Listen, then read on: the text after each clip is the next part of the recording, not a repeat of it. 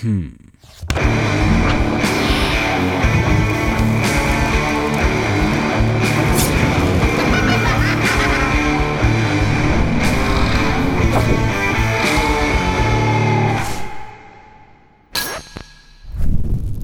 A1 Srbija je sponsor našeg podcasta na audio platformama, čime su se pokazali kao progresivna kompanija kada je reč o prepoznavanju značaja ovog formata, pružajući podršku podcast ekosistemu i daljem razvoju Agelast podcasta. Važno je da se razume da su podcasti nastali kao audio format i da je ovu sferu razvila i učinila mogućom sve popularnija kultura slušanja. Bez audio formata nema podcasta. Veliki pozdrav svima šalje ekipa iz Lašteka, najopremljenijeg i najvećeg CBD head shopa u ovom delu Evrope. Od nedavno u okviru Šteka postoji deo koji radi od 0 do 24 gde možete kupiti CBD headove, blantove, mrvilice i ostalo. Zlazla.com brand već 20 godina pruža podršku svim zaljubljenicima u kanabis kulturu.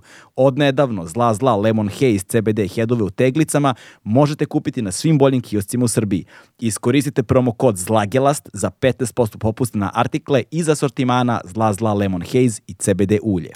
Legend Worldwide je domaći modni brend prepoznatljiv po džinsu i stilu, fokusiranom na stvaranje smirenog dizajna sa prizvukom modernog nasuprot bezuslovnom praćenju modnih trendova.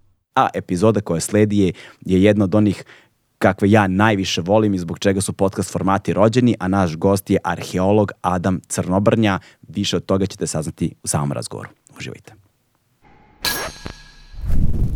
Adame, dobrodošao. Bolje ti našao. Kako si? Kako mor. Jel da? Tako uvek kažem.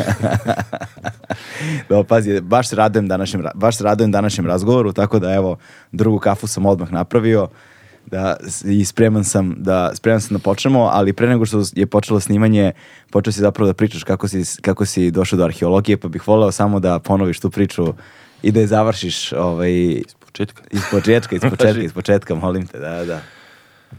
Pošto sam ti ja pričao zapravo svoj, svoj, svojim nesrećnim iskustvom eh, kada, svo, sa svojim prvim kontaktom sa biologijom. Pošto sam imao užasnu nastavnicu koja je ubila svaku želju za biologijom u mom životu. Ali jako rano. Ali veoma rano, da, već u petom razredu. primilo. Da, da, da, da, da, tako da ovaj, onda si ti a, zapravo počeo priču kako je došao do arheologije. Pa za razliku od većine kolega koji su voleli piramide koje nikada nisam voleo i nisam ih zavoleo, do dan danas bavim se onim što je na Balkanu, nikada o tome nisam razmišljao.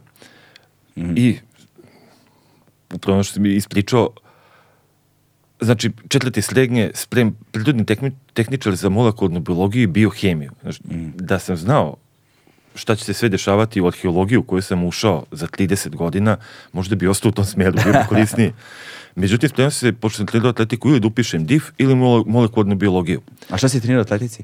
U atletici skako sam prvo u vis, onda u dalj i četiri puta sto. A, okej, okej. Do dobro. JNA. Nekad smo svi išli u JNA. I Jasno. tu ide veliki presek. I spremam, spremam, spremam, onda atletičar nije uvek jako ruke, pa se tu rade različite vežbe, sprave i tako dalje. Ovamo sa druge strane, potpuno druga stvar u laboratoriji, za knjigom i tome slično. I teo sam da popravim trojku iz filozofije da bi imao bolji prosek, pa neki od ta dva fakulteta ću upisati, ozbiljno sam ih spremao mesecima. Međutim, tu dođem u dodir ne samo sa beletristikom koju sam inače čitao, istoriju nisam imao dve godine srednje škole, poslednje uopšte, nego sam učeći za nedelju dana gradivo cele godine četvrte shvatio da bi ja da studiram nešto gde se čita nešto.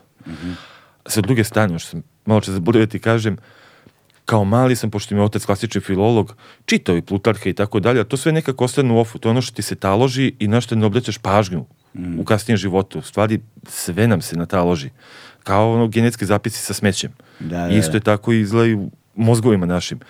E, onda sam poludeo, 20 dana je pred prijemni, prijemni sam spremao u autobusu žureći na takmičenja, pošto je to jek sezone atletskih takmičenja, pa sam ludeo po kući šta da upišem, pa mi tata rekao upiši klasičnu filologiju, latinski grčki, samo da učim, nema šanse.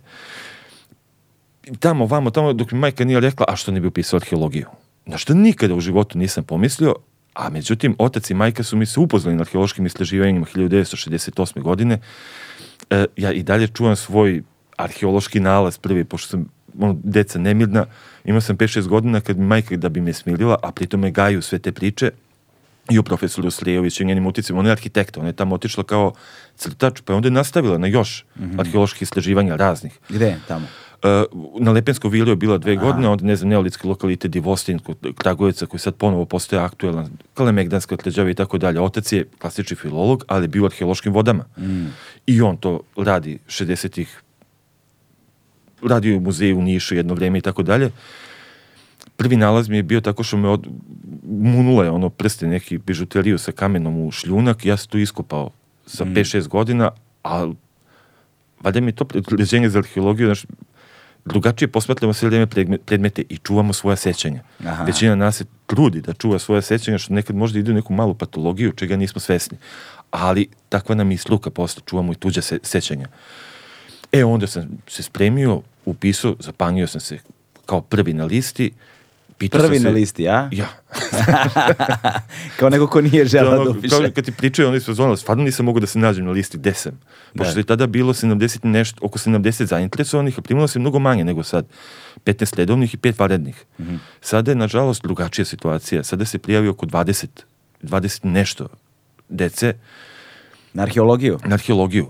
Od čega bude nekoliko odličnih đaka, a ostali se, nažalost, u ta, nije samo arheologija u tom sosu humanističke nauke su uopšte ne samo kod nas, ostali se onda saberu sa onih sa psihologije mm. i tako dalje, gde nije bilo dovoljno mesta za upis. Psihologija i sociologija su najveći rezervoari na filozofskom fakultetu. Da, da, kako kažu, kako kažu zove andragoge. Kao ne, ovi što nisu uspeli da upišu psihologiju.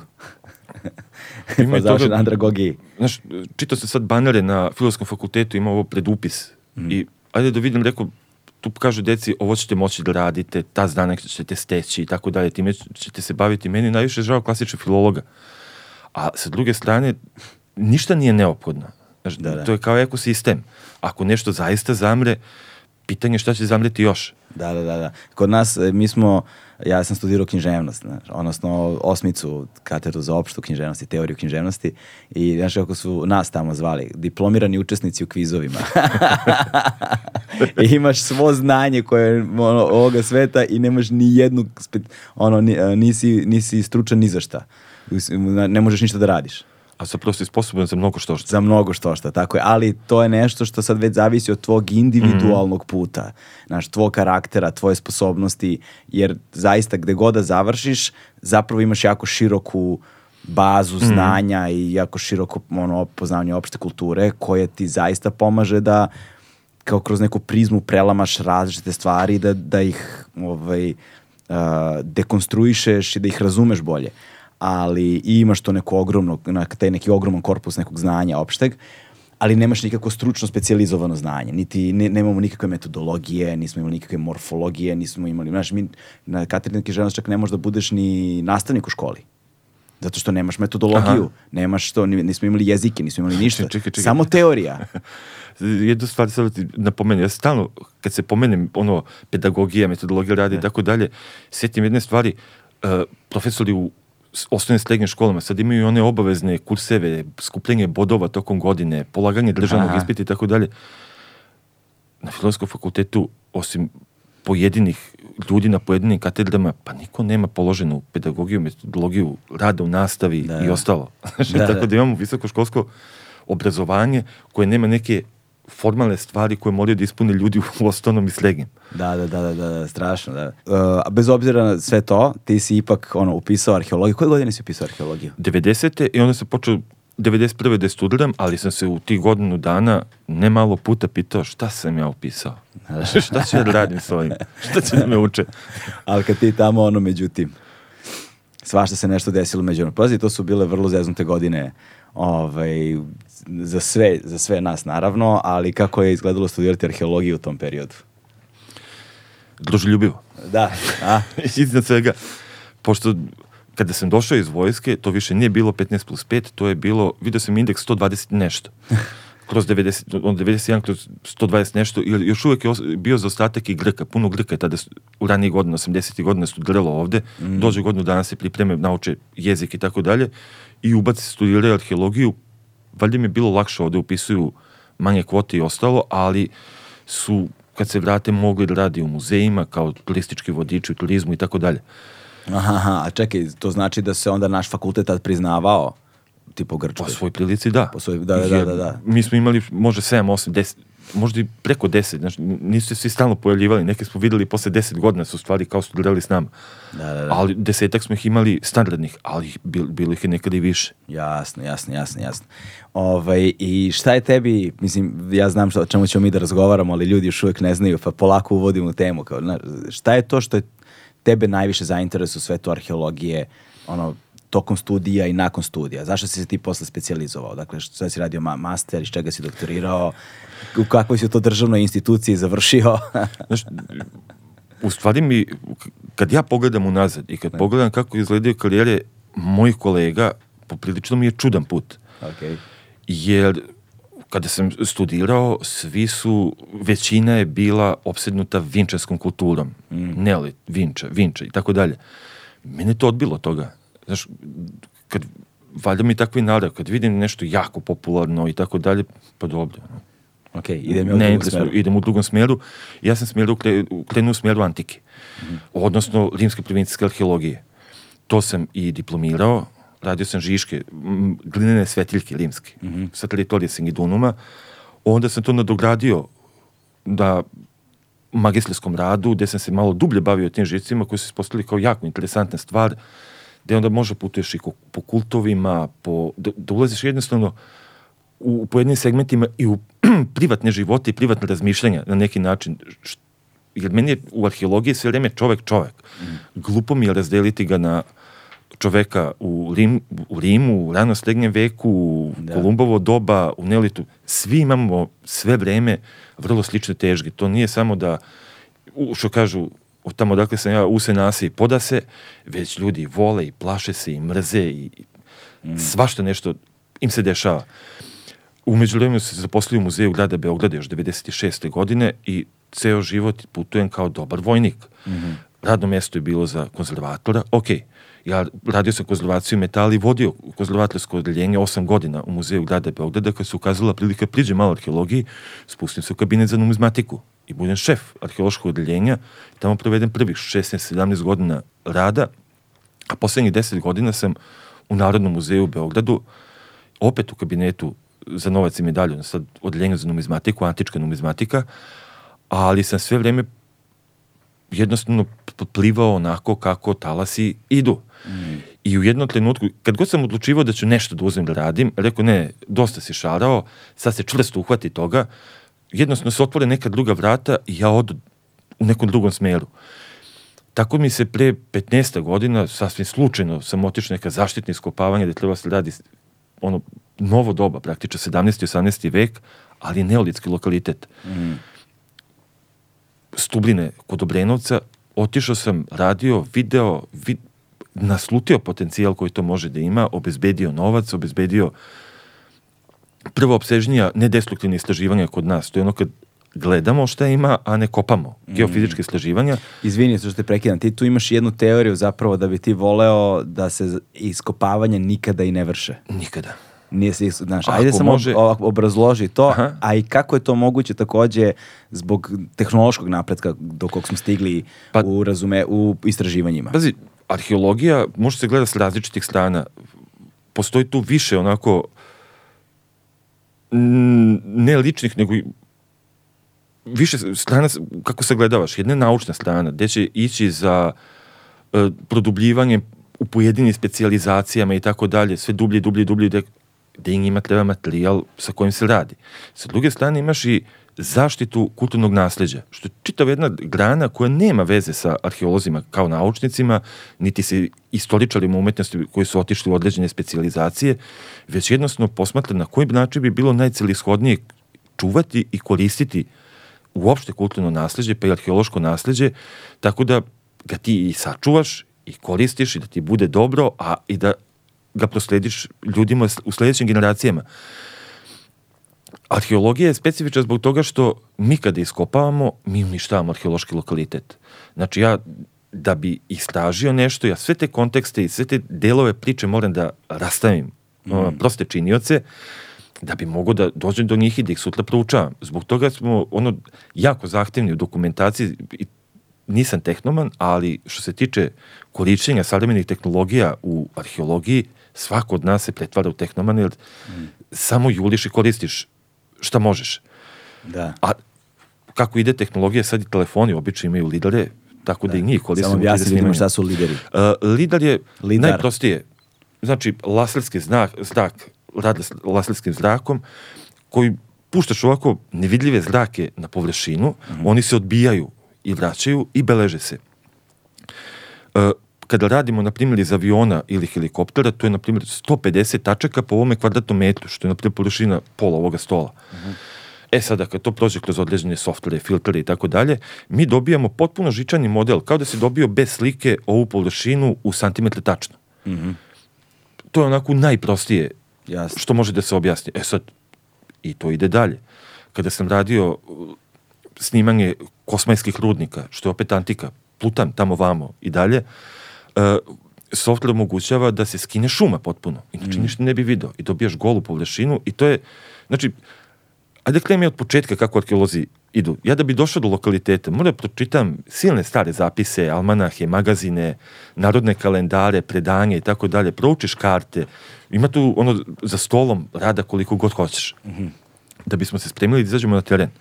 Lepo je to što postoje sva ta pomagala, ali one i koštaju. Znači, od početka mi gledamo kako da sužavamo rezoluciju podataka kojima pristupam, da bismo došli, da bismo i najceli ishodnije istraživali. E onda izađemo na teren i onda ide kognosciranje, odnosno prepoznavanje stvari na terenu. Mm -hmm. Koriste se različiti principi daljinske detekcije, snimanje iz vazduha nije dovoljno Google Earth, treba da postoji posebna metodologija arheološkog snimanja iz vazduha, gde otprilike kod nas u Srbiji, ja mislim da ima desetak dana prozora odgovarajućeg. Znači da ti je bilje poraslo na određenu visinu, primilo odgovarajuću količinu vlage, da je određena temperatura, doba dana, kosina padanja svetla, to nije veliki broj dana tokom godine, to je jedna tehnologija, lider je tu i tako dalje, to je sve na daljinu. A onda dođemo na površinu. Mm. E onda možemo zaista da vidimo šta ima ispod, ne predmet sam, i to su te geofizičke metode koje nam pomažu u tom sagledavanju. Koje su to metode geofizičke? Više ih ima. E, to zavisi šta očekuješ da će se naći ispod. Naprimjer, kada sam radio neolitski lokalitet, tu su kuće stradale krajem vinčarske kulture, nasilje su masovno stradavalo u požaru, mi još uvek pouzdano ne znamo razlog tome. Međutim, kada oni stradaju na magnetisanje čestica u tom objektu, ono bude kao zamrznuto u prošlosti. Mhm. Jednostavno, stane uh, orijentisano prema severu, odnosno prema polovima u onome trenutku kada je kada se požar desio. Međutim, polovi menjaju mesto, putuju i tako dalje, to isijava drugačije. Drugačije jednostavno u nanoteslama ima mnogo veću vrednost nego okolno tlo. Naravno, to, to ne radimo mi sami, to nam rade geofizičari. Oni to bažljaju u odnosu na, na magnetisanje prirodno okolnog tla i tako dalje. To što je gorelo, oni mogu da mi hvataju georad, magnetometrom. Međutim, ja sam nisam znao, pa sam ih pitao, biste mogli georadar.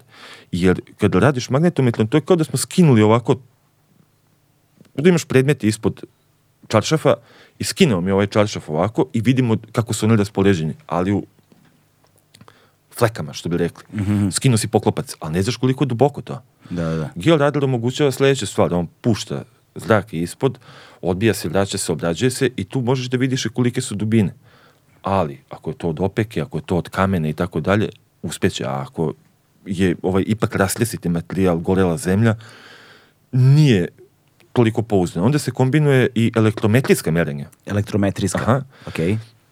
Tu mere različitost u, u otporu koji pruža zemljište.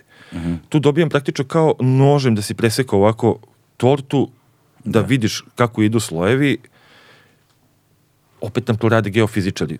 Bukvalno, znači, imali smo tortu ovde, Jasne. naslutili smo da je tu, izvukli smo jedan mali isečak, znam koje su i dubine, znam gde je čokolada, gde je lešnik, tako i ovde izgleda. E, to je dobro, kao i svaka struka i mi moramo vodimo računu ekonomiji.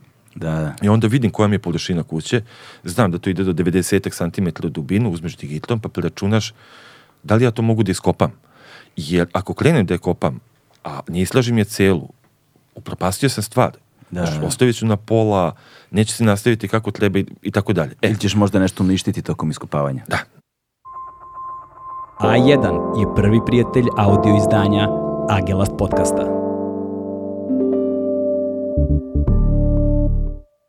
E sad, zašto po mogućstvu ne iskopavati ako nije ugroženo? E, znači imamo sve te tehnike koje nam pomažu da vidimo šta je ispod zemlje. Mo, naravno, neophodno je ne, i otvoriti nešto da proveriš da su ti tačni podaci. Jasno.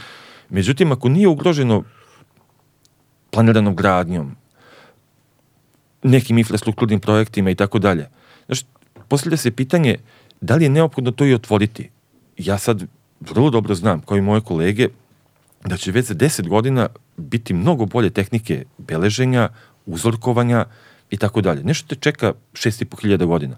Je li zaista neophodno da dođem i da to onako istrasim skroz, da, Da. ostavim prazan lokalitet, ili tu treba uvesti menadžment zaštite na pravi način, reći, ok, treba si nešto da saznaš, ali ne, nećeš moći ovih 95% lokaliteta da diraš, to je rezervat za budućnost. Najzad smo uspeli da takve stvari uđu polako kod nas u zakon. Ok. Falilo nam je, zakon je bio star, iz 94. Da, da. E sada, ti se, ti, e, ti se baviš malo i tim zakonom, a ti si predsjednik udruženja, Srpskog arheološkog društva. tako je, ti, ti si, da, predsjednik... Moram da reklamiramo Ajde, udruženje, ajde. pošto je drugo najstarije. Znaš, vole da kažu i novinari i ostalo, nemaju taj kontinuitet. Od nas je starije Srpsko lekarsko društvo. Mi smo osnovani 1. jula 1883. godine. Ok, Znaš, s nekim malim pauzama u radu ili menjanjem naziva zbog političkih okolnosti, kad nije moglo da bude ni hrvatsko, ni srpsko, nego su mogli da budu jugoslovensko, pa se onda to vratilo. dobro. A ko, kako ko lekarsko udruženje je staro? Ono, ja mislim, iz 1878. 9. godine. Aha, Oni su ok. stariji. Ok, Srpsko ok. geografsko društvo dolazi nešto kasnije. Nešto kasnije. Dakle, drugo najstarije a, Strukovno udruženje. strukovno udruženje je Ar Srpsko arheološko društvo, čiji si ti predsjednik, ovaj, a ti se baviš i izmenama zakona. sve je to, ne bavim se ja, lično, Da, da. time se bavim ministarstvo. Ja, dobro, ali- sam ovo, znam, Ali čim, kako bi se mi bavili time da nema tebe? Teško. teško. Zato i kažem. Sve to ono, kako da sačuvamo kulturno nasljeđe. Jednostavno to vidim u okviru tog Jasno, posla. e, do, stići ćemo dotle zašto je kulturno nasljeđe važno, to je zašto je arheologija važna, ovaj, kako prepoznati arheološki lokalitet i tako dalje, jer mislim da su sve te neke Nažalost, veoma često se previše toga podrazumeva. Imamo jako puno podrazumevanog znanja koje kada, a kada postaviš pitanje odjednom se zateknemo i nemamo odgovor na njih. Tako da ništa nećemo da podrazumemo, preći, proći ćemo kroz te osnovne stvari, ali mi je važno da stignemo i do onoga što, što je razlog zbog kojeg si ti zapravo ovde, ali da se vratimo sada na okolinu Obrenovca ovaj, i, i, i tvoj razvojni put. E, znači, bio konzervator, spustio na numizmatiku i odlučio, ne, rekao, sad ću da radim samo numizmatiku, odem na ta istraživanja gde sam naslutio potencijal onoga što, od čega sam bežao na fakultetu vinčarske kulture, odnosno samog tog lokaliteta. Znaš, većina vinčarskih lokaliteta, ne svi, mislim, taj, te crkvino stubljene su sjajan lokalitet, ali možda ih ima i još sto takvih u Srbiji, jedno što ih nismo detektovali. Većina se, na, na, na- nažalost, nalazi pod gradnjom savremeno. Evo, Belo brdo u Vinči, eponimni lokalitet po kome je naziv dobila čitava vinčarska kultura, je najveći svojim delom završio pod kućama, septičkim jamama, putem, kanalizacijom, školom i tako dalje. Ne možemo sagledaš celinu. E, lokalitet neolitski na Banjici, ne znaš za njega, on se nalazi u sled naselja na Banjici, oni visoki crveni soliteri. Ser, pe, pet solitera E, onih, da? Tu stoje ovako kao jedan jezičak zemlje na kome se nalazi nešto desetak privatnih kuća. Tu je onako šumarak i Ok, tako dalje. znam otprilike gde se nalazi to, da. Cijel taj jezičak od puta ovog avalskog Da. do samog njegovog špica Da. je u stvari neolitski lokalitet. Površine negde tri, oko 3 Znam hektara. zapravo da, tačno da se to nalazi od Davolskog puta ovamo kad soliter ima. E, da, da, da. da. Ali njega su 90. u izvesnoj meri tih 10-12 kuća koje su se pojavile, pojavile jer je tada cvetala divlja gradnja. Jasno. Po cijelo to nasilje gore ovamo ka Kumodražu, pa ka malom mokrom lugu, ka Luđerici, to je sve ludilo. Samo ovo ti, baš ono između zgrada, tad su Da, da. komšije prijavljivali, tad smo, posljednji put smo iskopavali 98. lokalitet na Banjici, jer su komšije se spratile, gledale kako neko gradi kuću, prijavile i onda smo došli na zaštitno iskopavanje. I to je zaštićeno kulturno dobro. Ove stubljine nisu bile zaštićeno kulturno dobro. Znali, za taj lokalitet se znalo stotina godina unazad, ali ono u kratkim izveštajima koje su izašli kao da, moglo bi da da dobre uslove za proučavanje organizacije života, ali je po svojoj prilici izgleda uništeno o ranijima i tako dalje. I ja sam bivao ranije na njemu, nađeš po koji cvonjak, zavis kako se okrene zemlja. Da, da. Međutim, onda uspe da obezbedi pare za geofizičke istraživanja, uradimo prvu šlajfnu magnetometrije, nekih hektara i nešto, a celo naselje 16 Tamo, hektara. na tom lokalu. Da, da, da. Okay. 16 hektara ti je veliko naselje. I kad sam video kako se nižu kuće, pošto je to bilo jedno od prvih ozbiljnijih magnetometrijskih istraživanja vinčarskih lokaliteta kod nas. Mm -hmm. Početci su bili 70. pa se toga odustalo. Onda sam krenuo i da vičem ljudima, pošto sam ceo život morao da provedem slušajući moju majku koja je bila arhitekt urbanista, sad je u penziji, uvek mi je, onda, i ona je kuburila sa zaštitom, stalno je sarađivala sa zavodom i tako dalje, ili sam čitao ono što donosi kući ili sam je slušao kako govori u snu. Samo da čujem šta se raspravilo planskim dokumentima i ostalo. Rekao ljudi, ali ovo je bre organizacija par excellence. Znaš, stalno ti pričaju o neolitu i vinčarskoj kulturi, to je uglavnom što može da vidiš u napisima u medijima o periodu mira, hiljadugodišnji period bez rata, egalitarno društvo i tako dalje. Međutim, kad vidiš takvu organizaciju, odmah ti se upale lampice, čekaj ble. Da organizaciju neko, kuće, misliš? Da, da bi neko došao do takve organizacije, mora da postoji dogovor. Znaš, tu neko mora da preseče. Nema tu bre, već na toj naznaci ono 10% snimljenog lokaliteta naslutim to.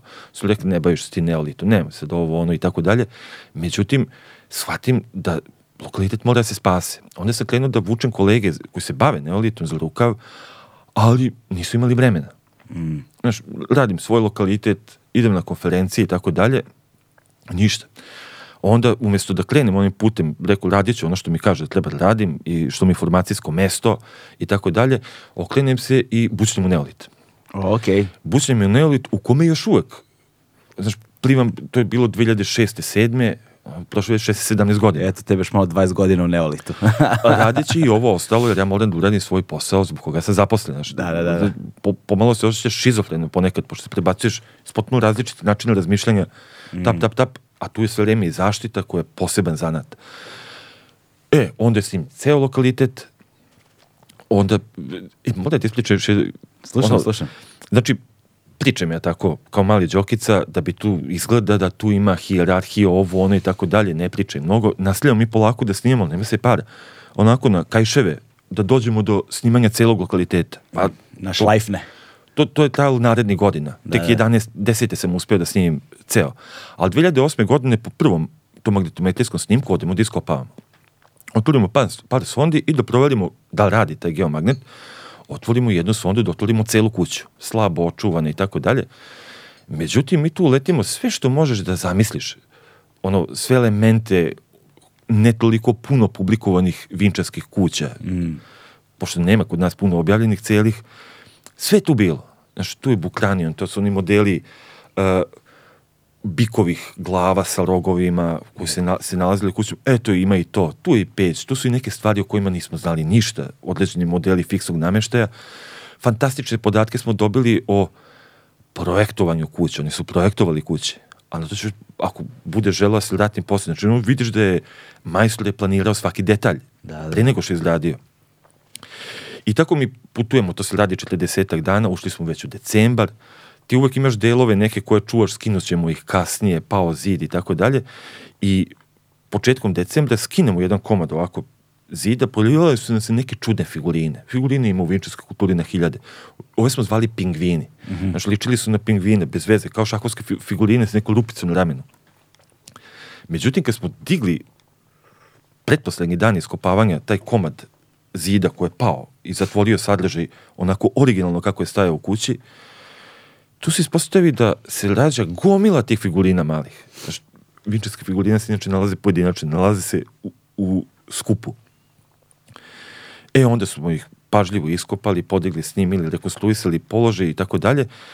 Kao da je, ja se osjećao kao da nam je neko iz prošlosti ono zatvorio kovertu sa tim zidom i rekao je vam poruka o mentalnim mapama i naznake društvenog ustrojstva u vinčarskoj kulturi pošto je tu, sve su iste, 43 smo našli figurine, mm. jedna je samo različita, ima onako malo bujnija ramena, veće od ostalih. Oni su tim rupama izgleda imali drškice sa mi, minijaturnim, minijaturnim modelima alatki i oružja koje mi znamo iz jedan jedan sa drugih lokaliteta. Mm. I su sve pravljene od gline. On imala kao neki malj. Kružni, ovi su imali neke pijuke, čekiće sekile i tako dalje. Oko nje stoji devet, onako gledaju je.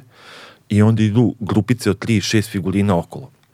A to bilo tako ljudi, sad ono jasnije izgleda. Ovako nešto ne nastaje tek tako.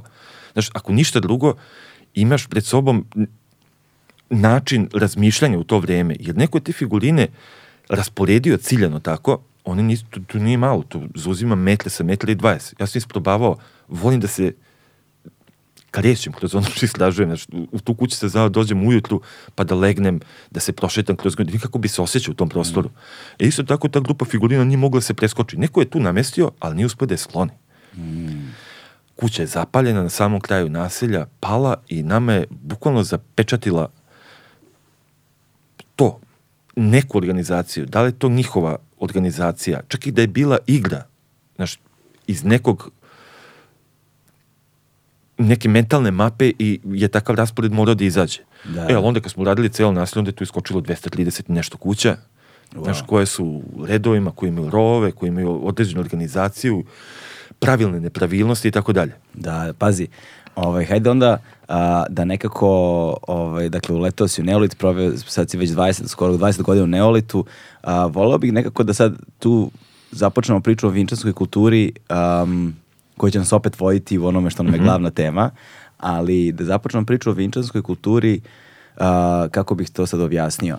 Kad nam je Andri Starović bio, odnosno poznati među prijateljima kao Duda, kad nam je Duda bio ovde, prvo što je on neverovatan pripovedač, i čovek koji tako prenosi harizmu i ljubav prema nauci na takav način da odslušaš ga jednom i poželiš da studiraš arheologiju.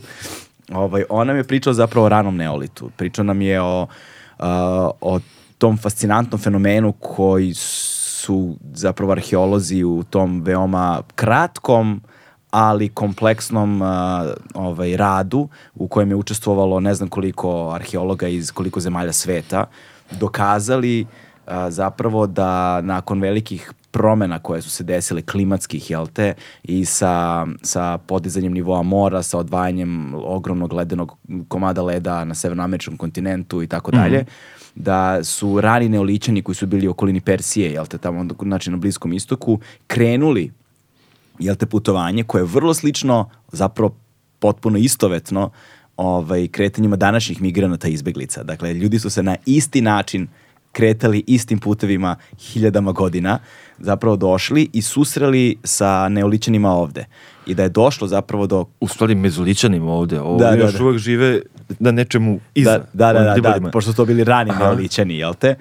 Ovaj, sreli su se ovde dakle, na lokalitetu Lo, Lepenskog vira. I, I okolnim. I okolnim, To je ono da. je detektovano da, da, se sreli. Da, i onda da po pozicijama njihovim u grobovima, načina koji su sahranjivani uz dužinu reke, da su ovi bili ovako i onako, pa po oruđu koje je bilo, da je došlo da, zapravo do, da je potpuno jasno da je došlo do razmene znanja, do kulturne razmene i da su, da su se dešavali i brakovi, odnosno da su se, da su se dešavali mešani, mešani odnosi među njima. Meni je to najfascinantnije da, pošto tu rekao, da u tom članku se pojavlja gomila dijagrama, meni nerazumljivi formula i tako dalje, da. čitam, izlačim po nešto, onda sedem sa Dudom i rekao daj, Objasni ajde zajedno da, da pređemo i objasni mi.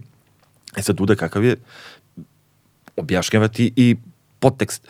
Mene najviše fasciniralo to da u to vreme, znači kada ti taj prvi talas dolazi i čega će posle nići stačevačka kultura i tako dalje, drugi talas će biti vinčanci mm. i njihov pak, paket, Uh, taj prvi talas kad dolazi, dolazi do tog mešanja kod nas mm. i dolazi do razmene raznih iskustava, korisnih znanja i tako dalje, preplitanja očigledno i verovanja, što bi rekli, kultova, mi to, sve se to prožima i oni i na tehnološkom smislu odskaču. Odskaču, tako Ali ono što mi Duda tad rekao, uh, ista ta genetska istraživanja su pokazale se, su te populacije nastavile da idu i ka se, severozapadu, mm. ali da tamo nisu nešli neprijemčive ljude koji će s njima da se druže, koji će s njima, što bi rekli sad, venčaju, odnosno imaju zajedničko potomstvo, i tamo se taj paket nije primio, jer nisu imali kome da ga daju. Tako je, tako je. Što je ono što je meni najfascinantnije bilo zapravo, jer oni su na tom putu, to je kao neki kao kretanje poput polumeseca nekog, na primjer, od Bliskog istoka ka Balkanu, ka balkanskim zemljama, Mhm. zapravo da su oni na tom putu nailazili, sretali druge neolićane što mezolićane, jel tako, nailazili, ali su sa njima ratovali, sukobljavali su se, nisu bili prihvaćeni. Znači, nije sve ni u prirodnim ono, prirodnom okruženju, da li mi odgovara zemlja, klima i ostalo, Da. nego i tome koga ćeš sresti. Koga ćeš sresti, tako je da su oni tu jedva preživljavali, ratovali su se tu generacije menjale, taj put je trajao koliko, oko nešto 300 godina, na primjer, ili tako nešto, zaboravio sam otprilike koliko je trajalo, i sad oni, kad su stigli ovde su na, o, na okolini Lepenskog vira, je zapravo bio prvi, prvo mesto gde su naišli na gostoprimstvo, na, na, ajde da kažemo to tako, na I gostoprimstvo. povoljne uslovi i gostoprimstvo. Tako Znači, je, da. Kompletno. Ono. Kompletno, da. I da su zapravo tu, i tu je pokazao, za- a, jer je tu, sad sam zaboravio kako se zvala ta riba koju su oni pecali. Jeste li one velike? Ve, da je to velike, da koje su zapravo na tom mestu su se mrestile. Restile i i jutro sam baš teo prijatelj jednoga koji mi je pričao koji bavi se zaštitom životne sredine. On je pokušavao godinama da se naprave ponovo riblji putevi, ne bi li te velike ribe mogle da nastave da idu. A, okej. Znaš, ne da znaš da to u onim jezivim stenama Mm. ko, ko, Dunav je bio mnogo brži, imao i katarakte. Postoje snimci na RTS-u, ti katarakti, to, to jezivo izgleda, ta, ta brza voda koja preskače preko stena i kada je Trajan provodio vojsku ka Daki i kada je gradio na rimski put i ostalo, tu su ostali i usečena užad i tako dalje kao pomoć pri gradnji, ali pritom te stene imaju ono milenijumske, eonske, što bi rekli, tragove od iste tih jesetli koje su se češale da skidaju svoje nametnike, ono, vodene krpelje, ne znam kako se zovu te Da, da. stvari što se kače na njih. Toliko su se češale i toliko dugo da su ostavile Tragove na stenama. ožiljke na stenama. Wow. E sada ovo što se desilo je potpuno preseklo i njihov put. Znači ti imaš praktično žive fosile, oni izgledaju kao, malte ne, ne znam da si vidio slike jesetli, I- izgledaju kao neke ribe, pogotovo kad se vide fotke s početka 20. veka dok su mogli da se love te velike po 5-6 metara dugačke pa čudno izgledaju kao da su iskočili ono iz doba dinosaurusa, karikiramo, otprilike da, da, tako da, izgleda, da, da. ne od ovoga sveta i ovoga vremena. Jasno, jasno. E, I onda kako su se oni, da bi mogli da love uopšte ribu, morali da se organizuju. Morali su iz različitih naselja da dolaze i da uzajamno komuniciraju, da se sinhronizuju da bi mogli da love tu ribu u vreme mresta. Što znači da je to tačno određen period godine kad oni za različitih krajeva dolaze, sreću se, ne poznaju se uzajamno, ali znaju šta treba da rade i moraju da naprave dogovor kako to zajedničkim snagama da urade. A onda mi dobijemo neku ruku i materializaciju Da. takvog ponašanja, ono, zajedništva, gde ti imaš puno ljudi, pun, priča se i puno priča, Da, da, priče da. su različite i tako dalje, jer lokaliteta iz vremena Lepenskog vira ima još, ali Lepenski vir je jedinstven po građevinama, koncentraciji i tako dalje.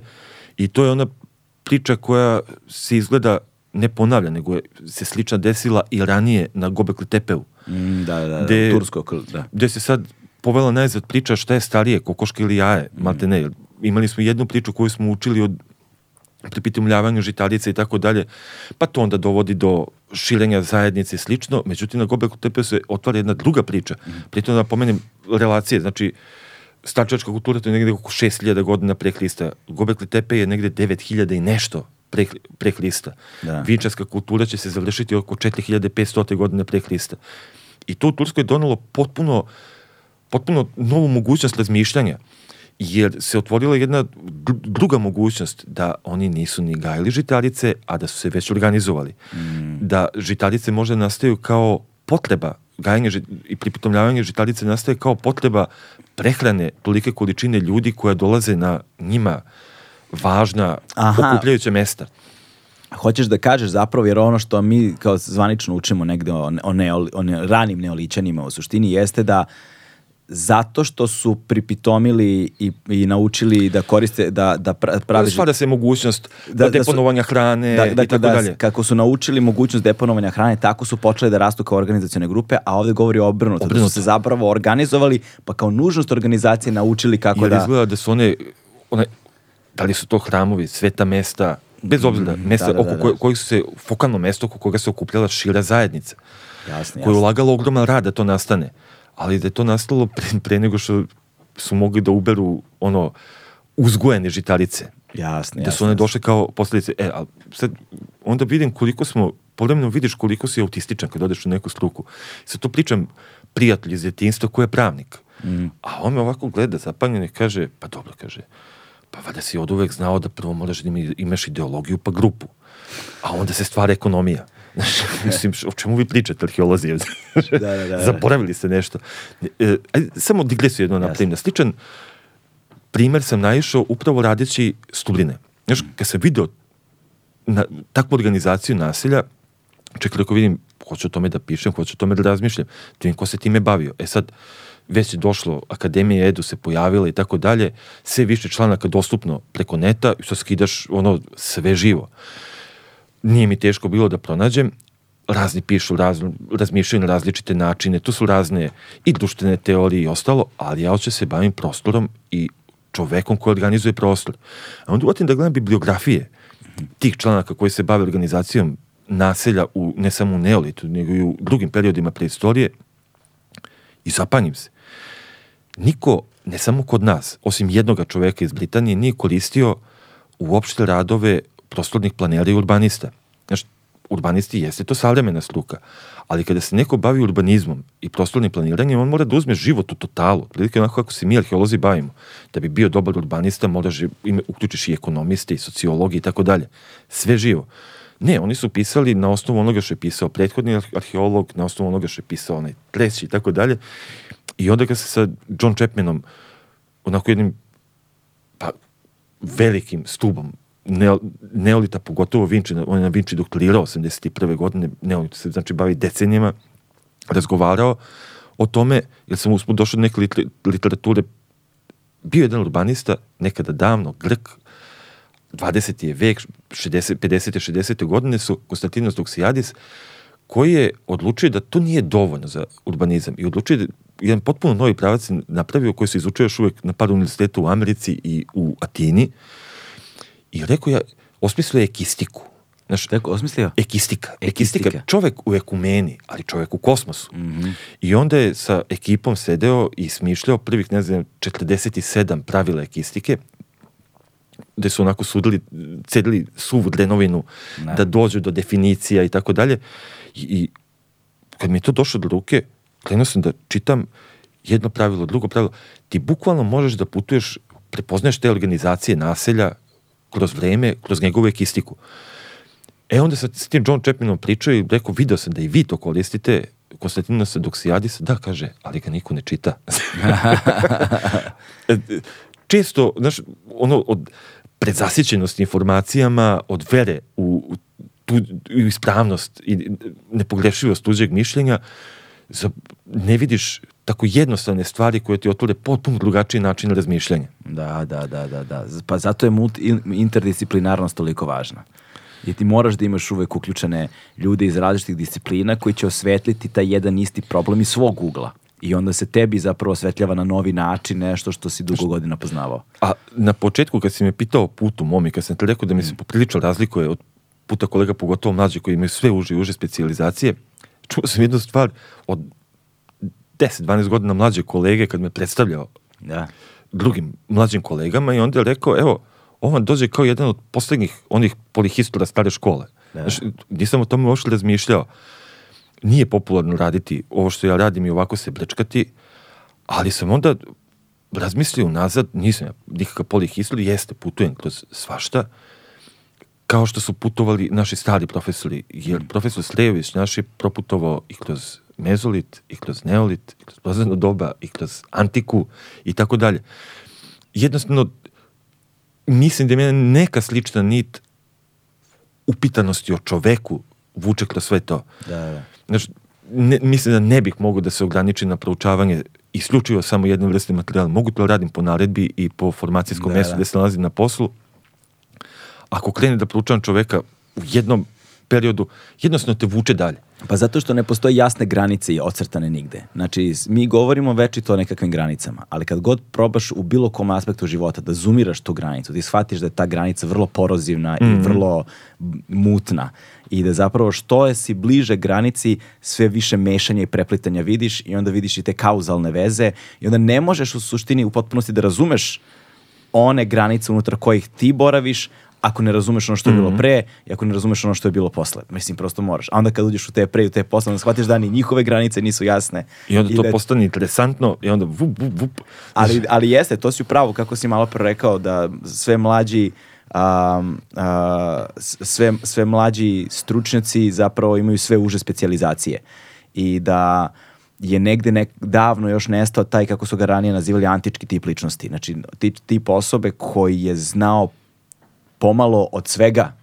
I negde možeš da se ukotviš. Tako, Znaš, negde, negde- produbljuješ na određenim mestima. na određenim mestima mora da se ukotiš jeste, ali da imaš tu širinu znanja, a mi sada imamo u tom poznom kapitalizmu specijalizaciju znanja i da idemo ono jedna linija to, onda ti ostali aspekti ličnosti atrofiraju, ostali aspekti znanja ti atrofiraju i onda imaš tu ne- taj nedostatak upravo da u interdisciplinarnosti se sad često teško i razumeju, koristi isti termin ali drugačije podrazumevaju. znaš šta se desi? Nestane čovek. A, pa jeste, da. Sam skontao i čitajući, nema čoveka. Ja sam jednom, fizički mi je nedostajao čovek na terenu, na istom tom lokalitetu. Znaš, uzmeš ovako tablet sa GPS-om, imaš plan naselja i sad zamišljaš, ne ideš ulicom Kestenovom, ideš ulicom, bukvalno su kao ulice Da. sa kućama pored. Znam da prelazim preko ove kuće, preko one, I onda, pošto smo bili smješteni na samom lokalitetu jednom prilikom, izađemo onako u predveče, Kom lokalitetu? Stubljine crkvine, taj neolitski, vinčarski lokalitet. Aha, okej. Izađem, ne treba mi 3D da bi na on je jedinstven po tome što je ceo očuvan, ništa ga nije napalo sa strane i ti tu livadu koju gledaš može da zamišljaš te kuće koje niču, znaš, ceo plan vidiš, ne treba, im- ne treba mi VR uopšte, znaš, pusti maštinu na volju. I sad idem, šetam i jednom trenutku pomislim, Bog te tvoj, a gde su ljudi? Da, Znaš, da. Vidim 230 kuća u kojima je živelo preko 1000 ljudi. A 1000 ljudi, 1000 do 1500 ljudi, to ti je cela jedna osnovna škola. Moja škola imala 1800 dece, pa se sećam, ono, 1. maj, 25. maj, koliko je to? Znaš, osoba. I rekao, zamisli sad, ja gledam ove, de- gde su meni ljudi, ljudi koji treba da se šetaju između ku, tih kuća, gde im je sitna stoka, gde su im kučići, gde im je đubre, gde im je drvo. Znaš, a onda kad se prebacimo u stručnu literaturu, nama se u velikoj meri izgubio čovek, a ja mislim se bavim arheologijom pre svega zbog čoveka, a ne zbog nusprodukata. I mislim da bi oni trebali mi kažu ne samo o zdravlju čoveka, nego da pokušam da naslutim kao te figurine što su mi rekle, razmišljali smo na ovaj način. Kad su živjeli tako grupno, gde im je bila kanalizacija? E, to se pitam. Dve, dva su velika pitanja. Meni su dva najveća pitanja vinčarske kulture. Prvo je, gde su im grobovi? Pošto ima nekoliko e, parcijalnih, ne bih čak rekao ni sahrana, nego odbacivanje ljudi, jedna nekropola na, u Botošu, u Banatu, koja nije iskopavana zaista, više je to slučajni nalaz. Jedna iskopavana nekropola se nalazi na Gumulavi, kod Krtkovaca, u Savu. E, zbog toga pitanje ne, ne mogu da su radene dobre DNK analize koje si malo čas pominjao, jer nemamo dovoljno veliki uzorak iz tog punog ne, neolita, poznog neolita, vinče, Da, da. kod nas. Ne znamo gde su se sahranjivali, nemamo matricu njihovog sahranjivanja gde bi očekivali da li je to zaista po pravilu u naselju, da li je samo skeletno, da li je bi ritualno, što kažemo, skeletno spaljivanje i tako dalje. A za kanalizaciju pitanje ti je fenomenalno. Da. Zbog čega? Znači, imaš 16 hektara tog bregića. Dole jedan potok, drugi je presahnuo. Imao sam kolegu u to vreme, mlađe kolege, doktorat radio upravo vinčarska naselja. I to me slično, ja sam ga pitao, ono, rekao, Marko, šta ti misliš, gde su bre išli ono u klonju? Da, da, da. Pa, znaš, kaže, možda su se spuštali do reke, pa rekao daleko je. Pa nije to tako daleko. Međutim, jedno je kada ti radiš za stolom, Da. arheologiju, drugo je kada izađeš na teren. Pa sa tih 16 hektara idi vamo, tamo, 20 metara nadmorske visine razlike. I sad penjemo se, rekao, vidim, zadihao se, kaže, nije malo ovih 16 hektara, nije, rekao, malo. Da. I stanemo na vrh i rekao, sad zamisli, evo ti ovaj plan. Kuće su na po dva metra razdeljene, kuće su jako gusto pravljene. Rekao, sad zamisli da ti pregustilo ovde u centru. I sad ti krećeš da tlečiš ka reci. Znaš, moraš mu preskočiš dete, sapleteš se od drva. Onaj red kuća se ne gađa sa ovim. Znaš, ne znamo, nismo uhvatili njihove koprolite, Da, da, da, da, da. da. odnosno govna, Jasno, jasno. Da. srpskim jezikom.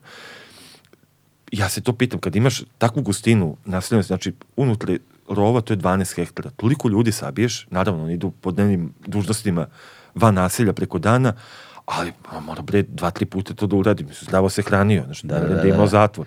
Da, da, da, da, tada je bilo puno, pu- puno žitarica u ishrani. Vlakana. puno vlakana je bilo u ishrani, nije bilo ovaj, industrializacije hrane, sve to bilo ultra zdravo. Znaš, postoji si pitanje koje mnogo arheolozi nisu postavili. Da, eto, Gde su išli u Čenjifu? eto ti. CBD je, pored THC-a, najistraženiji kanabinoid iz sveta industrijske konoplje. Samo što on nema psihoaktivno dejstvo. Mnoge studije potvrđuju njegove pozitivne efekte i pomoć pri problemu sa spavanjem. CBD ne uspavljuje niti omamljuje, ali je san čvršći i kvalitetniji. Tako reći, budimo se odmorniji. Ovaj, e, I onda kada smo pričali sa, sa Dudom, jel te, mi smo zapravo negde zaokružili priču o lepenskom viru, započeli smo priču, priču o Starčevu, jer a, neverovatno je kada ljudi govore o, o i, tom delu istorije, dakle, neolitskoj istoriji, ranom neolitu i poznom neolitu, jel te, na našim prostorima. Ljudi obično govore dakle o lepenskom viru i govore o vinčanskoj kulturi. Skoro svi preskaču Starčevo. Starčevo je kao onako, znaš, nekako na teritoriji te, današnjeg Pančeva ili šta, te- tako nešto. Dakle, ovaj, i započeli smo negde pričati o Starčevu, gde je to sve bio predložak u suštini da razumemo kako je nastala vinčanska kultura. Ja sad kada ljudi govore o vinčanskoj kulturi, oni obično misle na konkretno naselje Vinča na reci tamo, ovaj, ne razumejući da je vinčanska kultura se prostirala na ogromnoj teritoriji. Prostirala, vičarska kultura se na ogromnoj ter- teritoriji prostirala sa ogromnim naseljima i sa jako velikim brojem naselja. Da. Znači, Ko, ajde da, da postavimo granice vinčanske kulture. E, jezdo, ono, središte vinčarske kulture zaista na teritoriji današnje Srbije, što ljudima stalno treba napominjati jer su zbog dostupnosti svakakvih informacija svi skloni da kažu ono Vinča u Srbiji, da povežu Srbe, pra Srbe i Vinču. Da, da, da, da. Veze nema jedno sa drugim.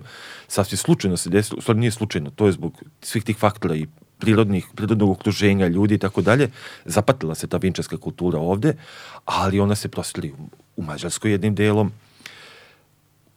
u Bosnu Gazi, Severnu Makedoniju današnju, Rumuniju, Bugarsku, svuda je tu da je išla, puštala je svoje pipke, nije to ovako, Da. znaš, nego ide dolinom određene reke, pa je tu ima malo više, kao i danas, međusobnih utice ima i sa drugim istovremenim, ali ono što je takođe važno, mi znamo za oko između 7 i 800 vinčarskih naselja. Wow. 700 i 800 vinčarskih naselja. Nisu ona sva istovremena, Jasno. ali i ne, najverovatnije ne znamo za sva. Mm Na primjer, za jedno novo smo saznali prošle godine, gradio se gasovod, nikad za njega ne bi saznali. I znaš, to su prirodni procesi, reka Raška, plavi, od ozgore se ono pada, kliza teren, na 1,80 dubine se nalazi. Mm. Znaš, bez nekih zemljanih radova koje ne radimo mi, nikad ne bi ni pretpostavili da je tu. Što znači da to može da se multiplicira.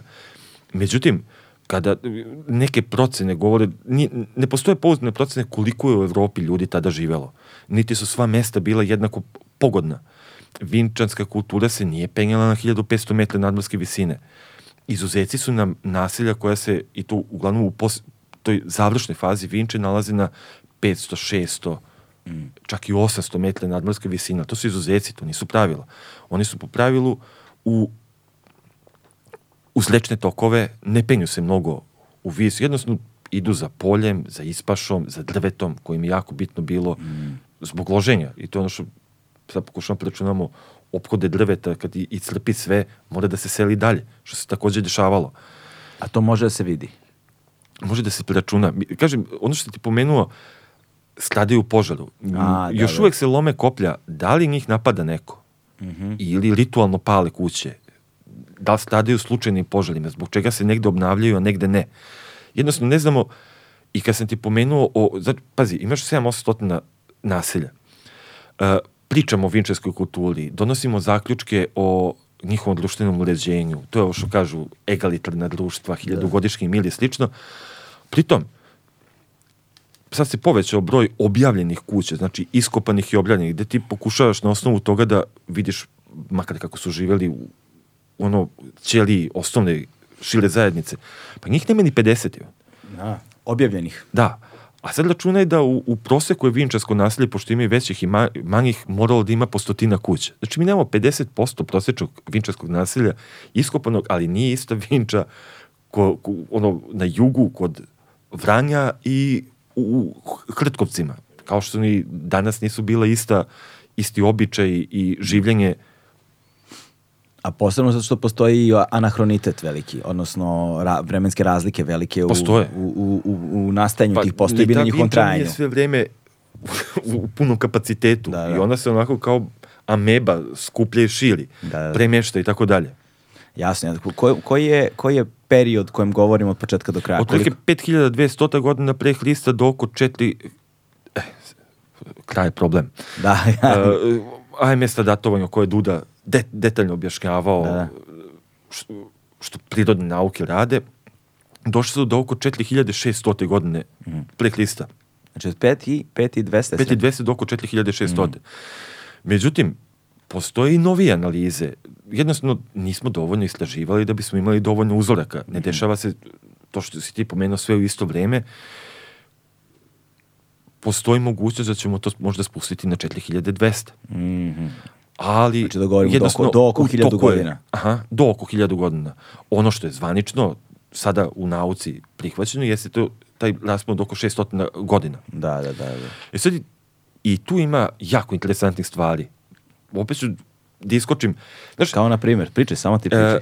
samo znamo rokaj. za figurine, znamo za keramiku, pa se onda prati kako se keramika, ljudi, stručnjaci koji se bave keramikom, kako se ona stilski menjala kroz vreme, prostor, u istoj toj vinčarskoj kulturi.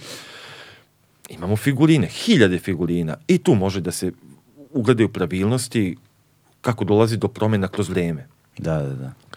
Međutim, ja sam bio zapanjen, e, pojavila se jedna posuda ovako, mala, e, koja je imala protome, glavice, prosto rečeno, četiri para po dve glavice stoje i ovako gledaju na unutra.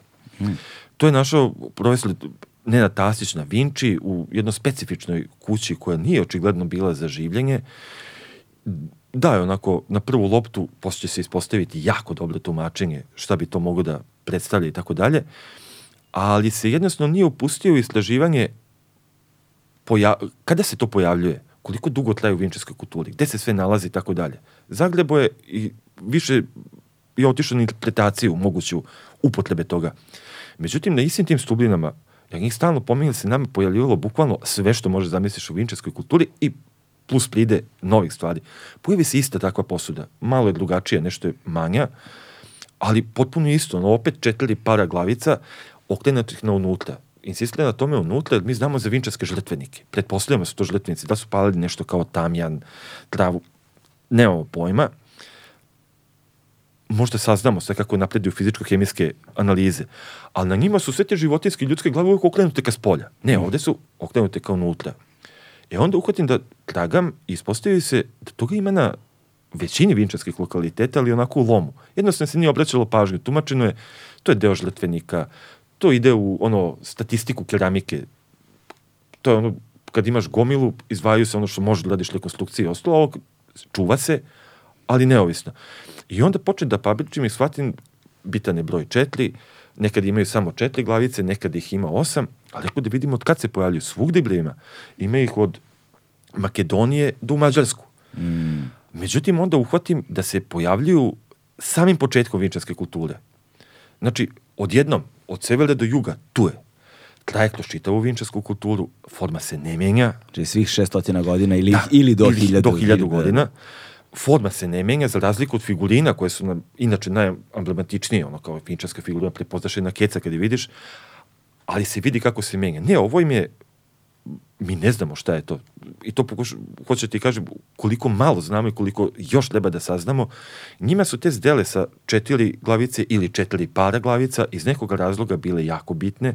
Očigledno su im bile vezane za verovanje ili običaj koji se nije menjao, kao što se menjale ono što, što je sa figurinama.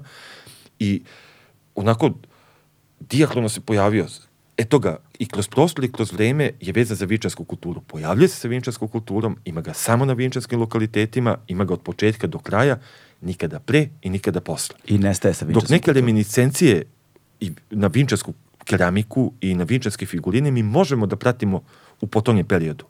Ovo ne. Ovo ne. A očigledno im je toliko bilo bitno da ga ima svugde, da ga ima sve vreme i da ne menja formu. To je ono, kad vidiš nešto što se ne menja, znaš da jednostavno uz to ide i priča koja se ne menja. Da, da, da. Nešto što, je, nešto što je tako duboko ukorenjeno, a, prožima celokupan narod, Jer, a pritom, a, Vinčan, a neverovatno nestaje sa njima, što znači da čini nekakvu vrstu distinkcije I baš njih. Verovatno ne jedan narod. Da, verovatno ne jedan, da. Vinču, Vinčarska kultura, i ja sam je dugo posmatrao, ono, da, ono, monolitna, velika, jed, ista je materijalna pojavnost, nisi način gradi i tako dalje. Posle smo videli da tu ima varijeteta, ali čak i da imaju potpuno identične posude i ostalo. Ono što mi otkrivamo poslednjih 15 godina, na primjer, kada sam studirao i do početka 2000. godina, postojale su izuzeci gde se nalaze oko vinčarskih nasilja rovovi. Jakovo Kormadin, Kakvi, kakvi rovovi? e, iskopani rovovi Koji su služili za šta? služili da, da ih zaštite od nečega s polja. Da li Aha, je to okej. životinja, da li je to čovek, jednostavno se nije znalo. Uhvaćeni su onako segmentima te rovovi. Međutim, u poslednjih 6-17 godina uh, otkrivamo da je postojanje rova, a pogotovo kod, u- kod kasno vinčarskih nasilja, pravilo. Mhm. Rov je pravilo i oni nisu mali. Ti rovi znaju da budu duboki 5-6 metara. Wow, znači to su ozbiljni, da, da, da. Ono što smo na istim onim stublinama videli Ali čekaj, ti rovovi idu u krug oko naselja. u krug ili Ograđuju ga, odnosno kvadrat. u obliku naselja. Nema kvadrata. Nema kvadrata. Ima izduženih ovalnih oblika, ima kružnih oblika i to, na primjer, organizaciju naselja možemo da razlikujemo po periodima vinčarske kulture. Mhm. U ranijem i srednjem tu ima tih kružnih naselja, po pravilu se pojavljuju, sa poprilično rašlikanim kućama unutra. Znaš, ne vidiš neki smislen raspored. Ok, jasnu urbanizaciju. E, međutim, pri kraju vinčarske kulture se pojavljuje, to su mi se i bunili kad se prvi članak objavljivao, gde sam ono, postavio pitanje proturbanizma. Jer mm. stubine koje sam radio nisu najve, najveće naselje, ima mnogo većih naselja, ona se nalaze u Pomoravlju, uz Moravu, uz glavnu komunikaciju, u stvari Mm. kroz čitav naš teren gde vidimo da su ona kroz vreme se selila, da su se ti rovovi prepravljali. Međutim, da se vratim i na Da organizaciju. ne kažem, vidimo odličnu vrstu o, o, planiranja u smislu načina na koji su građene kuće u tim poznijim Ne, periodu. ali pa se, ne samo kuće. Ti imaš, ono što se da naslutiti, imaš i grupe naselja. Nisu oni svi živeli zajedno sa svešću, mi pripadamo vinčarskoj kulturi, ti si moj brat, ne znam, iz Ujvara, iz, sa severa, a živiš u Drenovcu kod Paraćina, a imamo i onoga u Anzabegovu dole Da. u Makedoniji, jok. E, očigledno su se branili ne samo od životinja, iskreno ti kažem, sve više misle su se branili od ljudi. Da, da. Jer već mogu da se prepoznaju klasteri naselja, jednostavno da uhvatiš kao što uhvatiš klaster kuća u jednom bloku u naselju, Da. a te blokove već prepoznajemo u vinčarskim naseljima, ne samo redove kuće, nego i blokove, E, tako prepoznaješ naselja koja su mogla da budu organski povezana i da sarađuju međusobno. Pitanje je u kakvom su oni odnosu bili prema grupi od sledećih deset naselja. Jer sve vreme moraš da vodiš računa o resursima koje koristiš. Oni ipak moraju da postoje. Ali, opet da se vratim na jedno naselje. To Stubline, crkve nije samo. Ono je u kompleksu od nekih 5-6 naselja koje se nalaze na jednoj mikroregiji na jednom uzvišenju između reka i tako dalje, znam, Sava severno, Kolubara, Tamnava i tako dalje, ono jeste najveće, ali nije jedino. I uhvatili smo ih nekoliko da su bili istovremena. E onda uzmeš da razmišljaš, uh, ranije taj John, John Chapman, koga sam pominjao, razmišljajući takvim naseljima i o tragovima rova okolo, pretpostavljaju su oni to čuvali stoku i tako dalje, obrađivali baštice i slično, međutim kad imaš preko hiljadu ljudi, gusto smeštenih, tu nema nikakve privatnosti, znaš, mene od- oduševljavaju te nove tehnologije koje su nam dale mogućnost da sagledamo celinu, jer počneš da razmišljaš kako je čovek živeo. Da. Znači imaš ovako grupu kuća između koje ojivičavaju jedan prazan prostor. Ne smijem da ga nazovem trgom. Da, da, da, da, Ali da. prazan prostor. Oni su na 2-3 metra jedno od druge. E, na osnovu nekoliko iskopanih i ge, onih geomagnetskih signala, ja znam gde su im peći, gde im je pretpostavljeno bio izlaz iz kuće i slično. Znači imaš i deseta kuća bli, gusto smeštenih.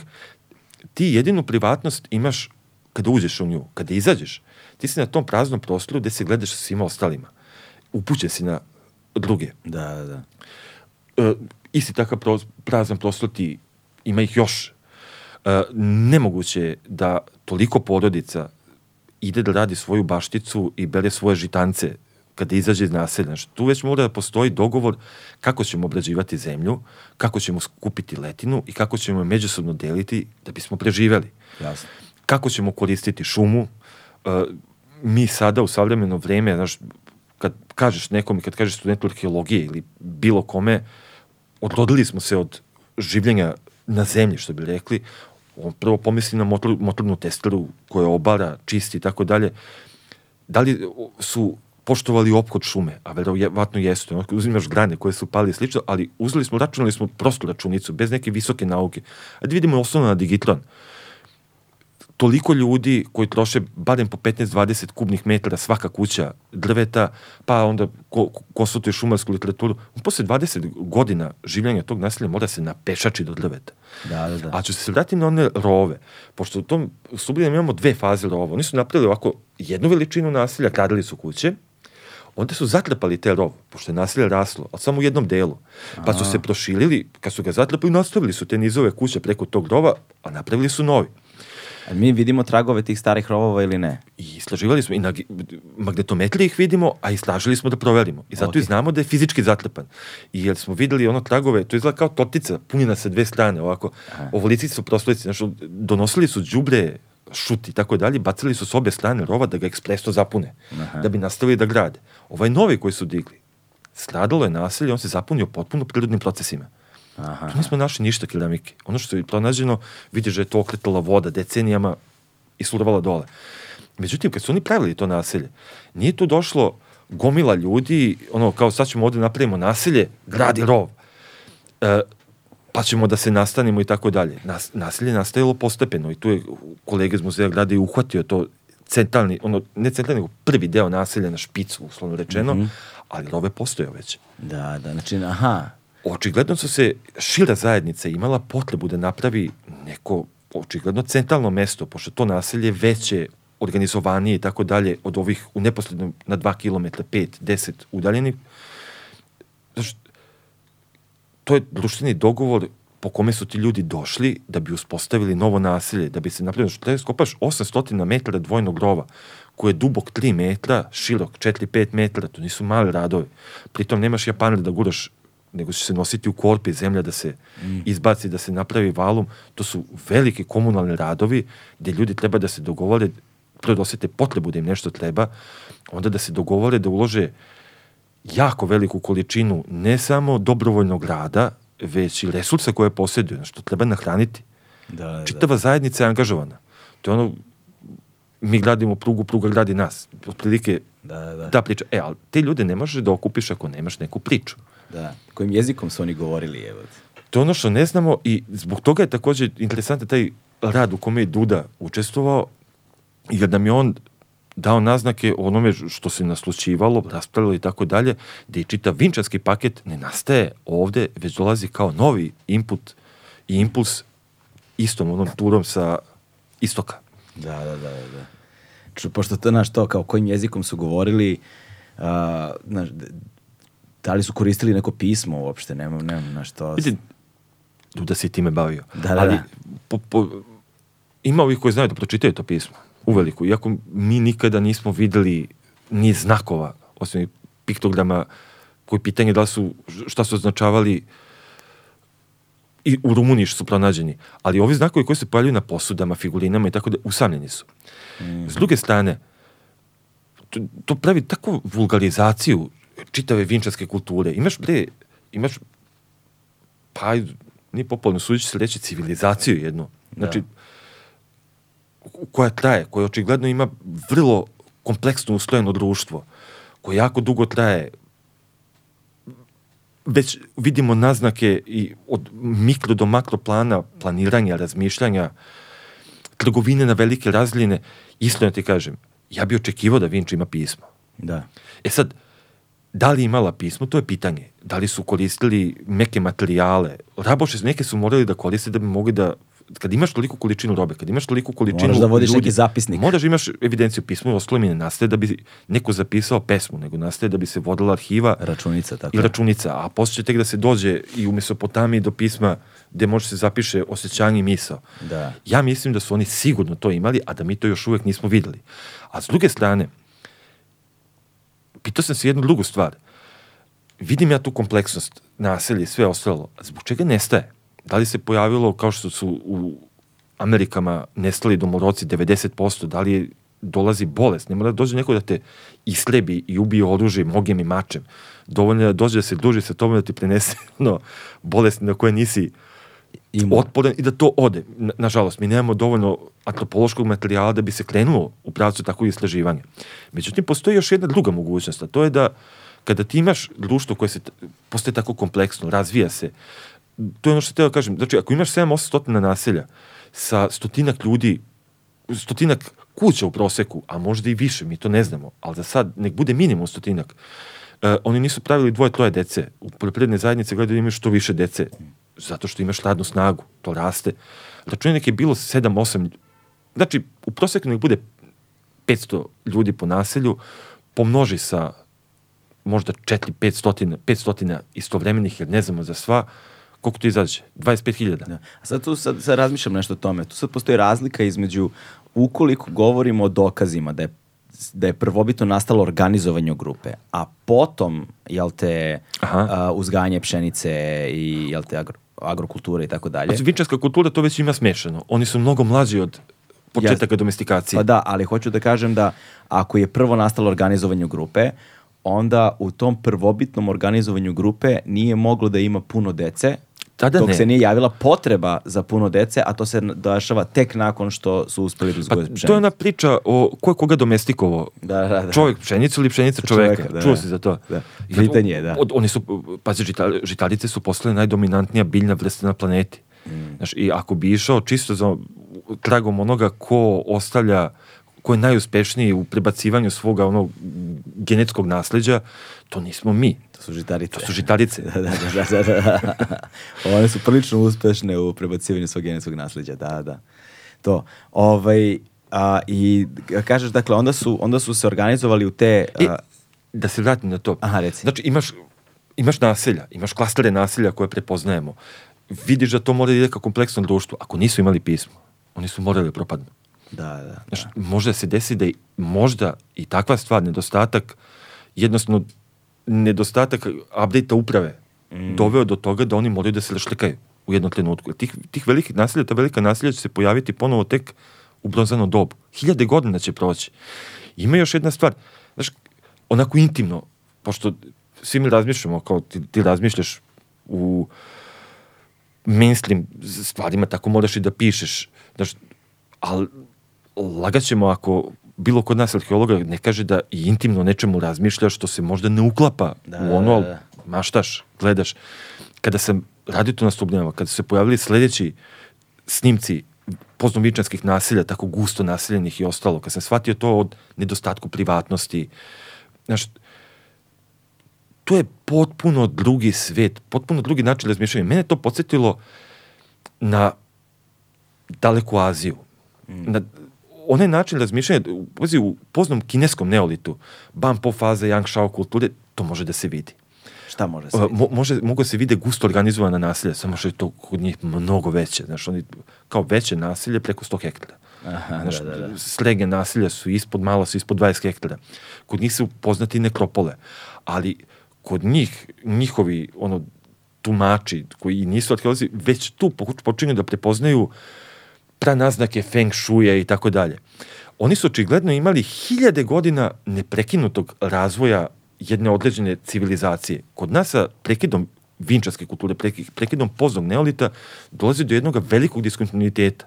Znaš, ovo gde mi živimo, gde smo mi na zapadnim tradicijama, zapadne Evrope, antičkim i tako dalje, Znaš, to je ono gde se gaji, da, zajednica je bitna, ali se gaji i individualno herojstvo, individualno pregalaštvo i tako dalje, što u onoj toj poznoj Vinči jednostavno ne vidiš mesta tome. Da, da. Vidiš jednu ogromnu podleženu zajednici.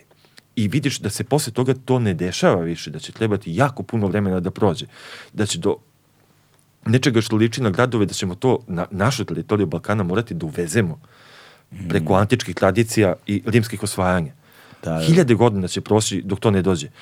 I to i ljudi kad krenu da mi pričaju, mi vinčanci i tako dalje, prijatelju, ne samo su genetski bili različiti, mi ne razmišljamo uopšte ni približno na isti način. Da, da, da. da.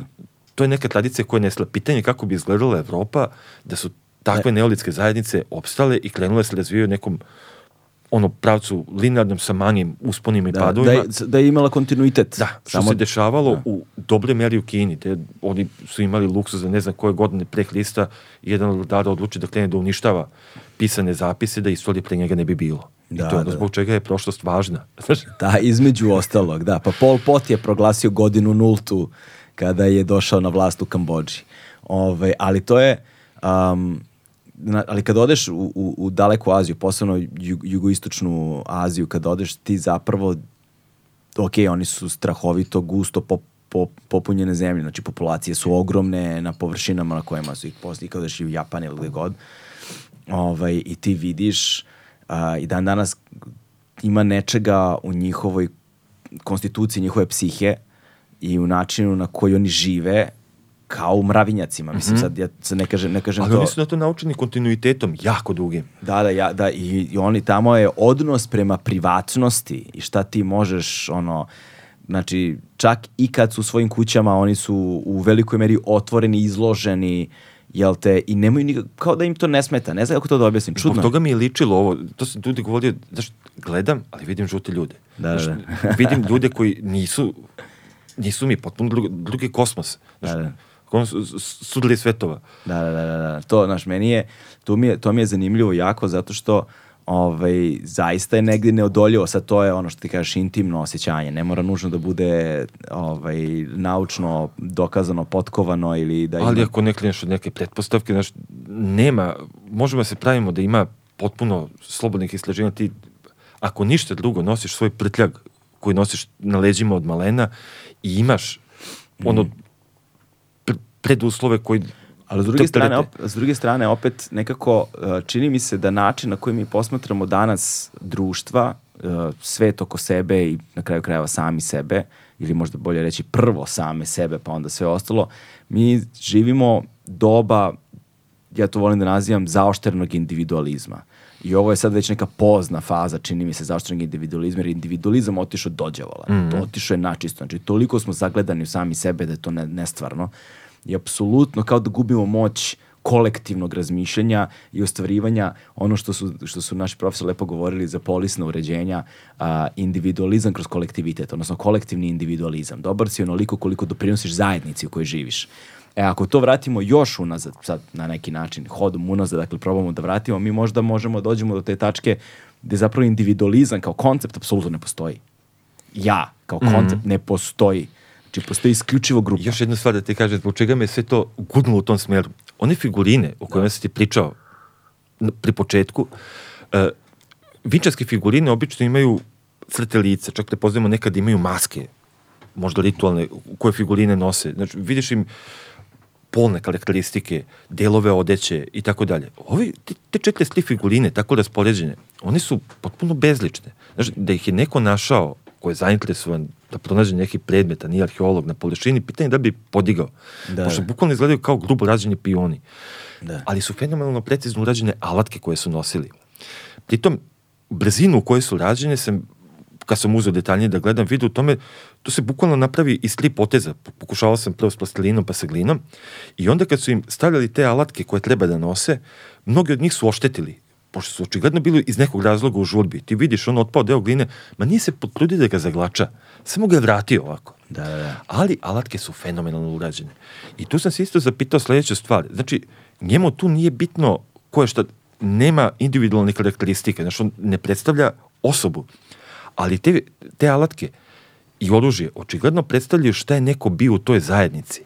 To je ono što je njima bar u tom delu, pri kraju vinčanske kulture, bilo jako bitno. Šta si ti u ovoj zajednici?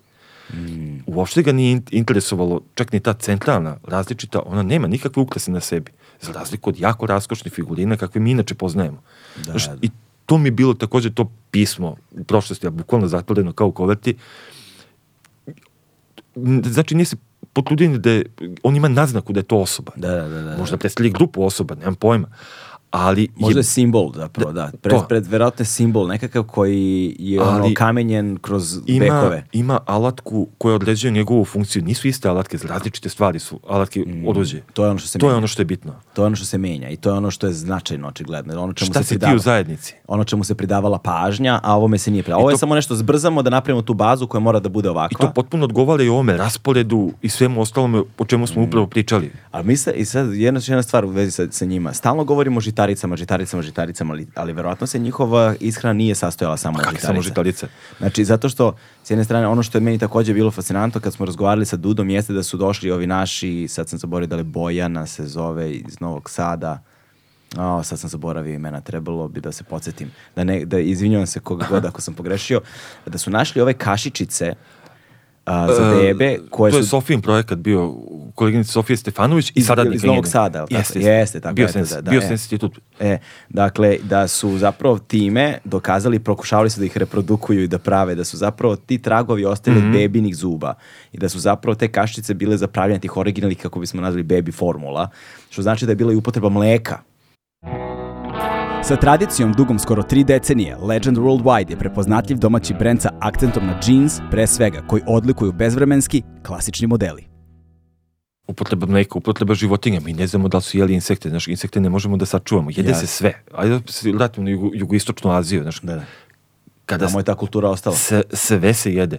Uh, na samim stubljama koji su deseta kilometara od Save, teško se čuvaju riblji ostaci u takvim zemljištima, smonice i tako dalje, kislo zemljište, čak, pošto je tu, kad sam radio nekropole na takvim zemljištima, ti ne, grobi iz 18. veka, na primjer, nemaš sačuvane sitne koste, kosti prstiju, šaka. Šake, Riba se teško sačuva, ali ono što se sačuvalo je pokazalo da je bilo somova od preko 100 kila, koje su oni lovili desete kilometara dalje i dovlačili.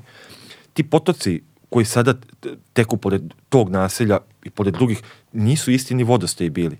Samo pre 70 godina u potoku koji teče pored tog naselja koje sam istraživao, koji sad može sa malo većim zaletom da preskočiš, Krstenica se kao zove rečica, stariji ljudi su mi pričali da je tu z- znali ribe ranije da bude. Da, da, da. Znaš, u toku i našeg sve. životnog veka samo. Ali ima naravno i svinje, govečeta, Da. Ono što, što se sve vreme pitam, pazi, žitarice su vrlo pipav teren. Ti žitarice da bi mogo da radiš leba i da ga jedeš stalno, treba da obezbediš. E, nisu se ništa naprednije gajile žitarice u neolitsko vreme nego što se gajile tokom 19. veka. Međutim, u 19. veku mi to možemo da znamo iz zapisa u Srbiji koja je bila seljačka zemlja 90% do početka 20. veka. Ljudima je osnovno bilo kukuruz krtola, beli leba, leba od žita se je u posebnim prilikama. Samo do pre 150-200 godina. Nije ga bilo, ješćemo i danas i sutra i ujutro i tako dalje. Druga stvar, ono što ne znamo, a što će pokazati, nadam se, dodatne palobotaničke analize, jeste mora da su jeli neke kretole, mora da su jeli nekoga skroba, neke repe i tako dalje. Možeš popuniš stomak. Da, da. Žito je pitanje Koliko rađalo- je mesa bilo u toj upotrebi, to je isto pitanje. Da li je bilo lovaca? E, ima, ima i to je pokazalo, na primjer, baš istraživanja kod petnice. One su bile izgleda kao, to, ta stanica je, to se kada je koleginica, ona je u Ameriku posle otišla, radila prvo za diplomski svoj nalaze kostiju, pokazalo se da su tamo na određenim mjestima, takvim stanicama, kao da su imali ono, gde obu rada, lovci su tamo, ovamo se gaji, ima mjesta gde dominiraju kosti ž- divljih životinja. Znaš, uloviš ga, pangluješ ga, spremiš, transportuješ. I lovili su i gajili su. Wow. Sve su radili. Da, kako li je izgledao lov u to vreme? Čime su lovili?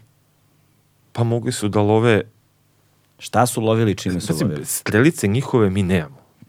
Što ne znači da nije mogu da lovi i zašiljenim ugorelim drvetom, kao što, ne znamo za lukovi strele, ali znamo za kugle. Kugle koje se, keramičke su kugle. od. Keramičke? Pa nije to lepa keramika. Da, da. Znaš, kad su neke sekli bosekom, onda se ispostavlja da je unutra smuljeno svašta, Da, da, da. a da je okolo zaglačano. Aha, okej. Tuma, tumači se razno, da su, da su bile topke za mleko, da ti sad ono kao zagreš i ubaciš u mleko, da se, ili da provri nešto. Zato se ipak koristi kamenje. I da, e, te kugle se javljaju pre svega u ravničarskim lokalitetima gde si ti u deficitu sa kamenjem. Aha, aha. Ali i na istim tim lokalitetima se i tekako donosi kamenje, da ti treba za žrevanje, ovo, ono, tako da je mogo donesi i 20 oblutaka koji mnogo bolje zagrevaju tekućinu kod kuvanja.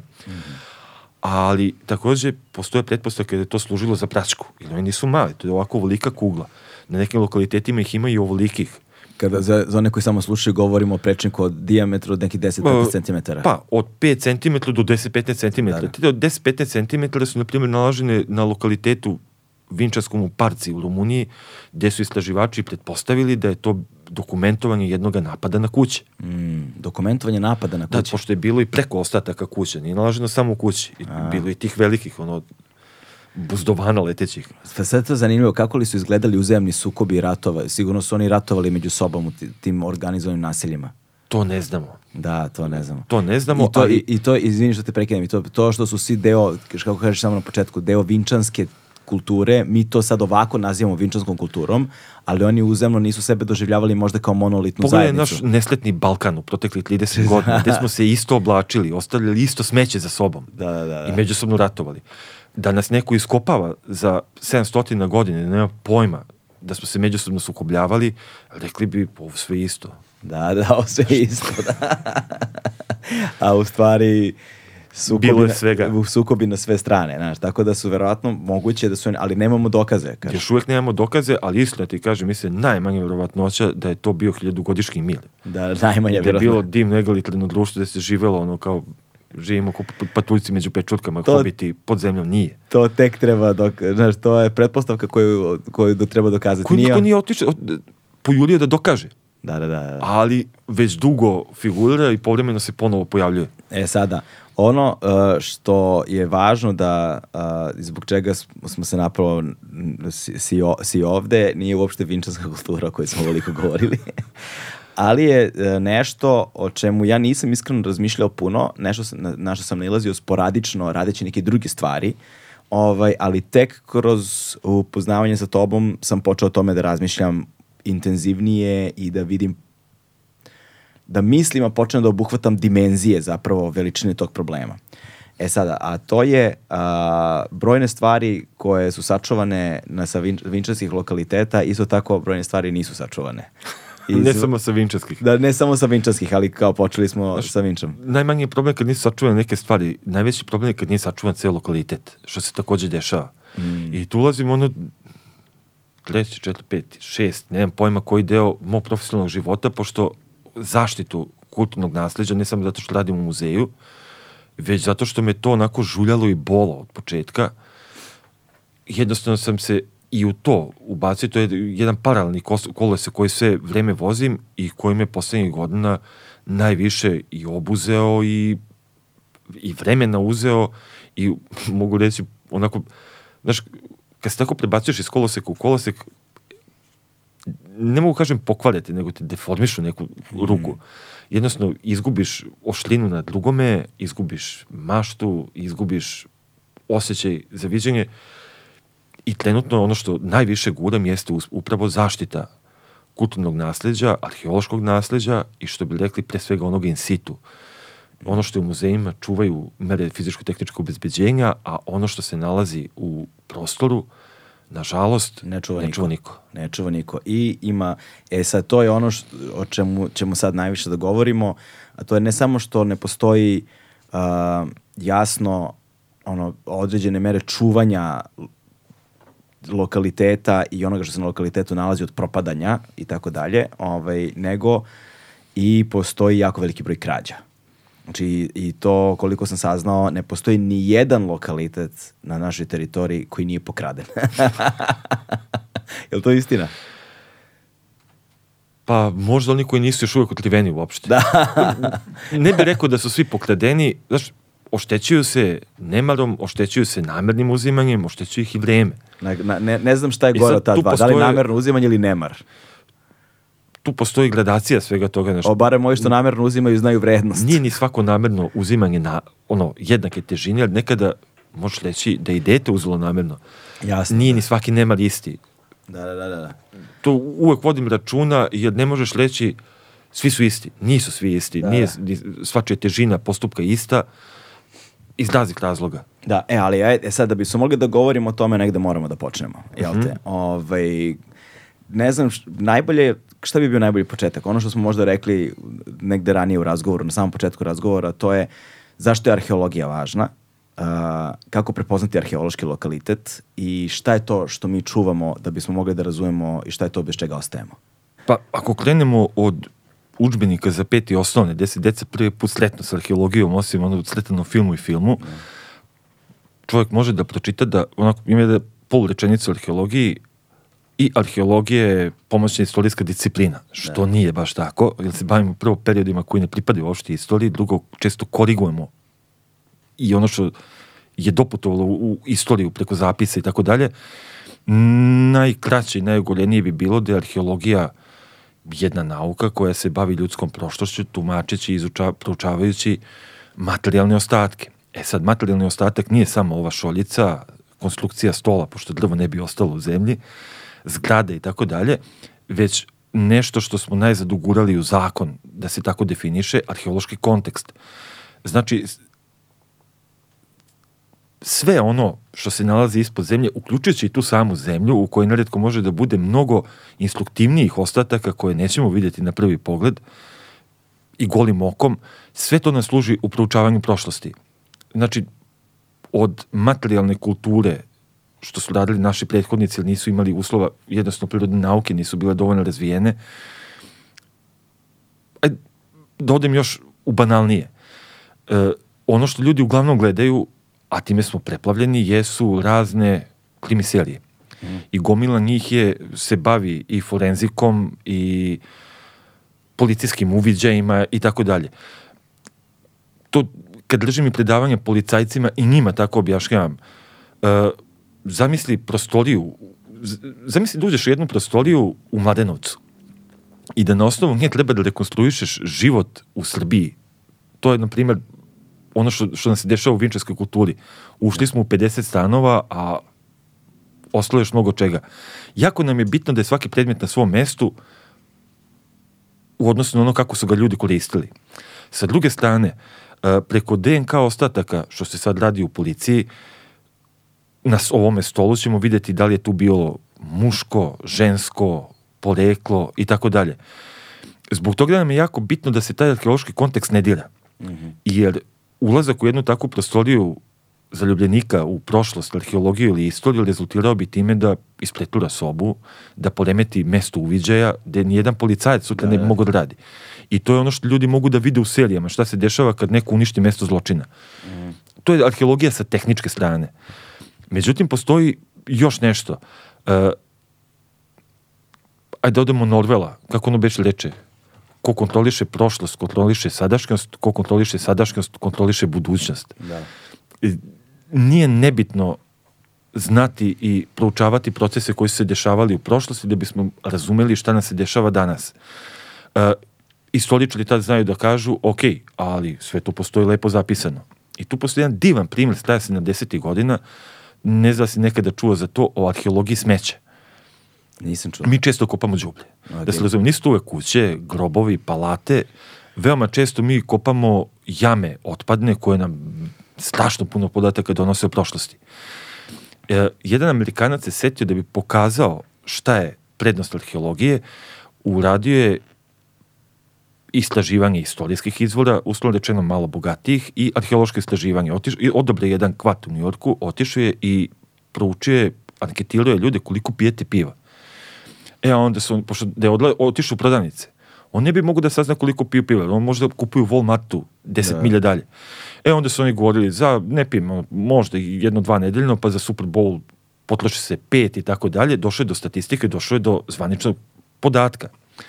A onda je uzeo da u toku jedne nedelje isprekopa njihovo đubre. I onda se ispostavilo da oni nekoliko puta piva više piju nego što prijavljuju. Da, I to je ta razlika između istorijskog podatka i fakta do čega dolazi arheologija. Mm. E sad to mi možemo rezoluciju podataka da ono da se spuštamo u podatke sve više i više, ali sad ne bi ulazio u to. Jasno, jasno, jasno. Dobro. Ovaj, a, kako prepoznati arheološki lokalitet? Pa uglavnom vrlo lako. Znači, ispostavi se kad čovjek prošeta prirodom i kad mu pokažeš jedan arheološki lokalitet, prepoznaće gotovo svaki. Evo sada, kad izašli s mesta na kome sedimo, otišli samo nekoliko desetina metara dalje, naišli bismo jedno arheološke istraživanja koja se trenutno dešavaju pored Skupštine i mislim videli smo uživo da je svakome jasno da se dešavaju arheološke istraživanja, da kolegama dove, dovikuju arheolozi kako je, kako ide i tako dalje. Da. A ako se nalaziš na livadi, šetaš planinom i tako dalje, e, ne niče samo, taj materijal neće sam da ispliva iz zemlje, potakne ga oranje, prekopavanje i tako dalje. Kada se vidi keramika na lokalitetu, kada se vidi neki kamen koji je obrađen, koji ti ne izgleda kao nešto što možeš svaki dan da vidiš u kraju, cigla koja baš ne liči na savremenu, da ne idemo sad na neke potpuno prepoznatljive predmete, već je to signal da tu nečega ima, da je oštećeno namerno ili nenamerno i da bi o tome trebalo nekog obavestiti. Nas, kad dođemo do toga oštećeni lokalitet, desilo se to i to, ljudi, gledam ono u komentarima i na društvenim mrežama i u medijima, prozivaju što to već nije istraženo, šta ste vi radili. I tu moram jednu stvar da spomenem, uh, institut, arheologa institucijama, sve ukupno ima oko 220 u Srbiji. Skoro polovina od toga radi u nauci, oko stotinu ljudi, instituti, fakulteti. E, nešto više od 100 radi u muzejima, ali ne izlaze svi na teren. Neki su na edukaciji, vođenju kroz izložbe, bibliotekari i tako dalje. I svega 25-6 ljudi radi u zavodima za zaštitu spomenika kulture. To su oni koji mogu da kažu stani sa radovima, obustavljamo i da pokrenu mehanizam koji vodi ka istraživanju i zaštiti arheoloških lokaliteta. Znači, jako nas je malo. I zbog toga nam je svaka dojava, svaka prijava, svako obaveštenje izuzetno bitno. Da li je neko našao, ne, nećemo mu uzeti parcelu, kuću, predmet i ostalo, ali kad nam prijavi da je nešto našao u svojoj bašti prilikom gradnje kuće, to su nam beskrajno važne informacije. E sada, koliko bi optimalno trebalo da vas ima da biste pokrili potencijalne lokalitete na teritoriji Republike Evo Srbije? ovako, po sistemu, postoje različiti sistemi zaštite. E, sličan našem jeste francuski, gde postoji institut za preventivnu arheologiju, to bi moglo da se protumači kao neki pandan naših zavoda za zaštitu spomenika, pošto oni imaju, oni su ti koji vrše zaštitne arheološke istraživanja. Za razliku od nekih drugih zemalja, kod njih ne postoje ti privatni servisi namnoženi. Čak ni muzeji ne vrše dok, zaštitne istraživanja dok ih dok im oni ne delegiraju. S obzirom na njihovu površinu, broj lokaliteta, našu površinu, broj lokaliteta, čak je tome korespondira i s razmera broja stanovništva, samo u zavodima bi trebalo umjesto 25-6 da imamo 250 zaposlenih arheologa, što se ja verujem neće desiti nikada. Međutim, tu postoje drugi modeli kako to može da zaživi, na koji način arheolozi mogu da se angažuju i tako dalje. E, Što se tiče arheologije, mi smo još uvek u teškoj tranziciji. I uopšte kulturnog nasleđa, jer kulturno nasleđe, zakoni, podzakonska akta i ostalo što se toga tiče, su na repu kao što je kultura i kulturno nasleđe su na repu inače dešavanja. I tu najsporije dolazi do tih promjena, pogotovo što tad sam bio zapanjen pre, ne znam, da li ima 7, 8, možda ima i 10 godina. Ono otvaranje predpristupnih poglavlja Evropska unija i tako dalje, kada je došlo kulturi i obrazovanje na red, imali smo sastanak u Palat, Palati Srbija, se valjda zove u Novom Beogradu sad. Tu je došao čovek iz Hrvatske koji je kod njih vodio proces za to poglavlje. To se pojavljuje jako malo, ono kulturna raznolikost, ovo, ono i tako, to. Ja sam morao da ga pitam, izvinite, a šta sa kulturnim nasleđem? Da li smo mi u ovome pred, pristupnom pristupnoj fazi, da li moramo i to da usaglasimo? A on mi je rekao vrlo jednostavno i krajnje obespravljujuća stvar. Pa znate, čujte, kaže, uh, vaše kulturno nasleđe je vaše kulturno nasleđe.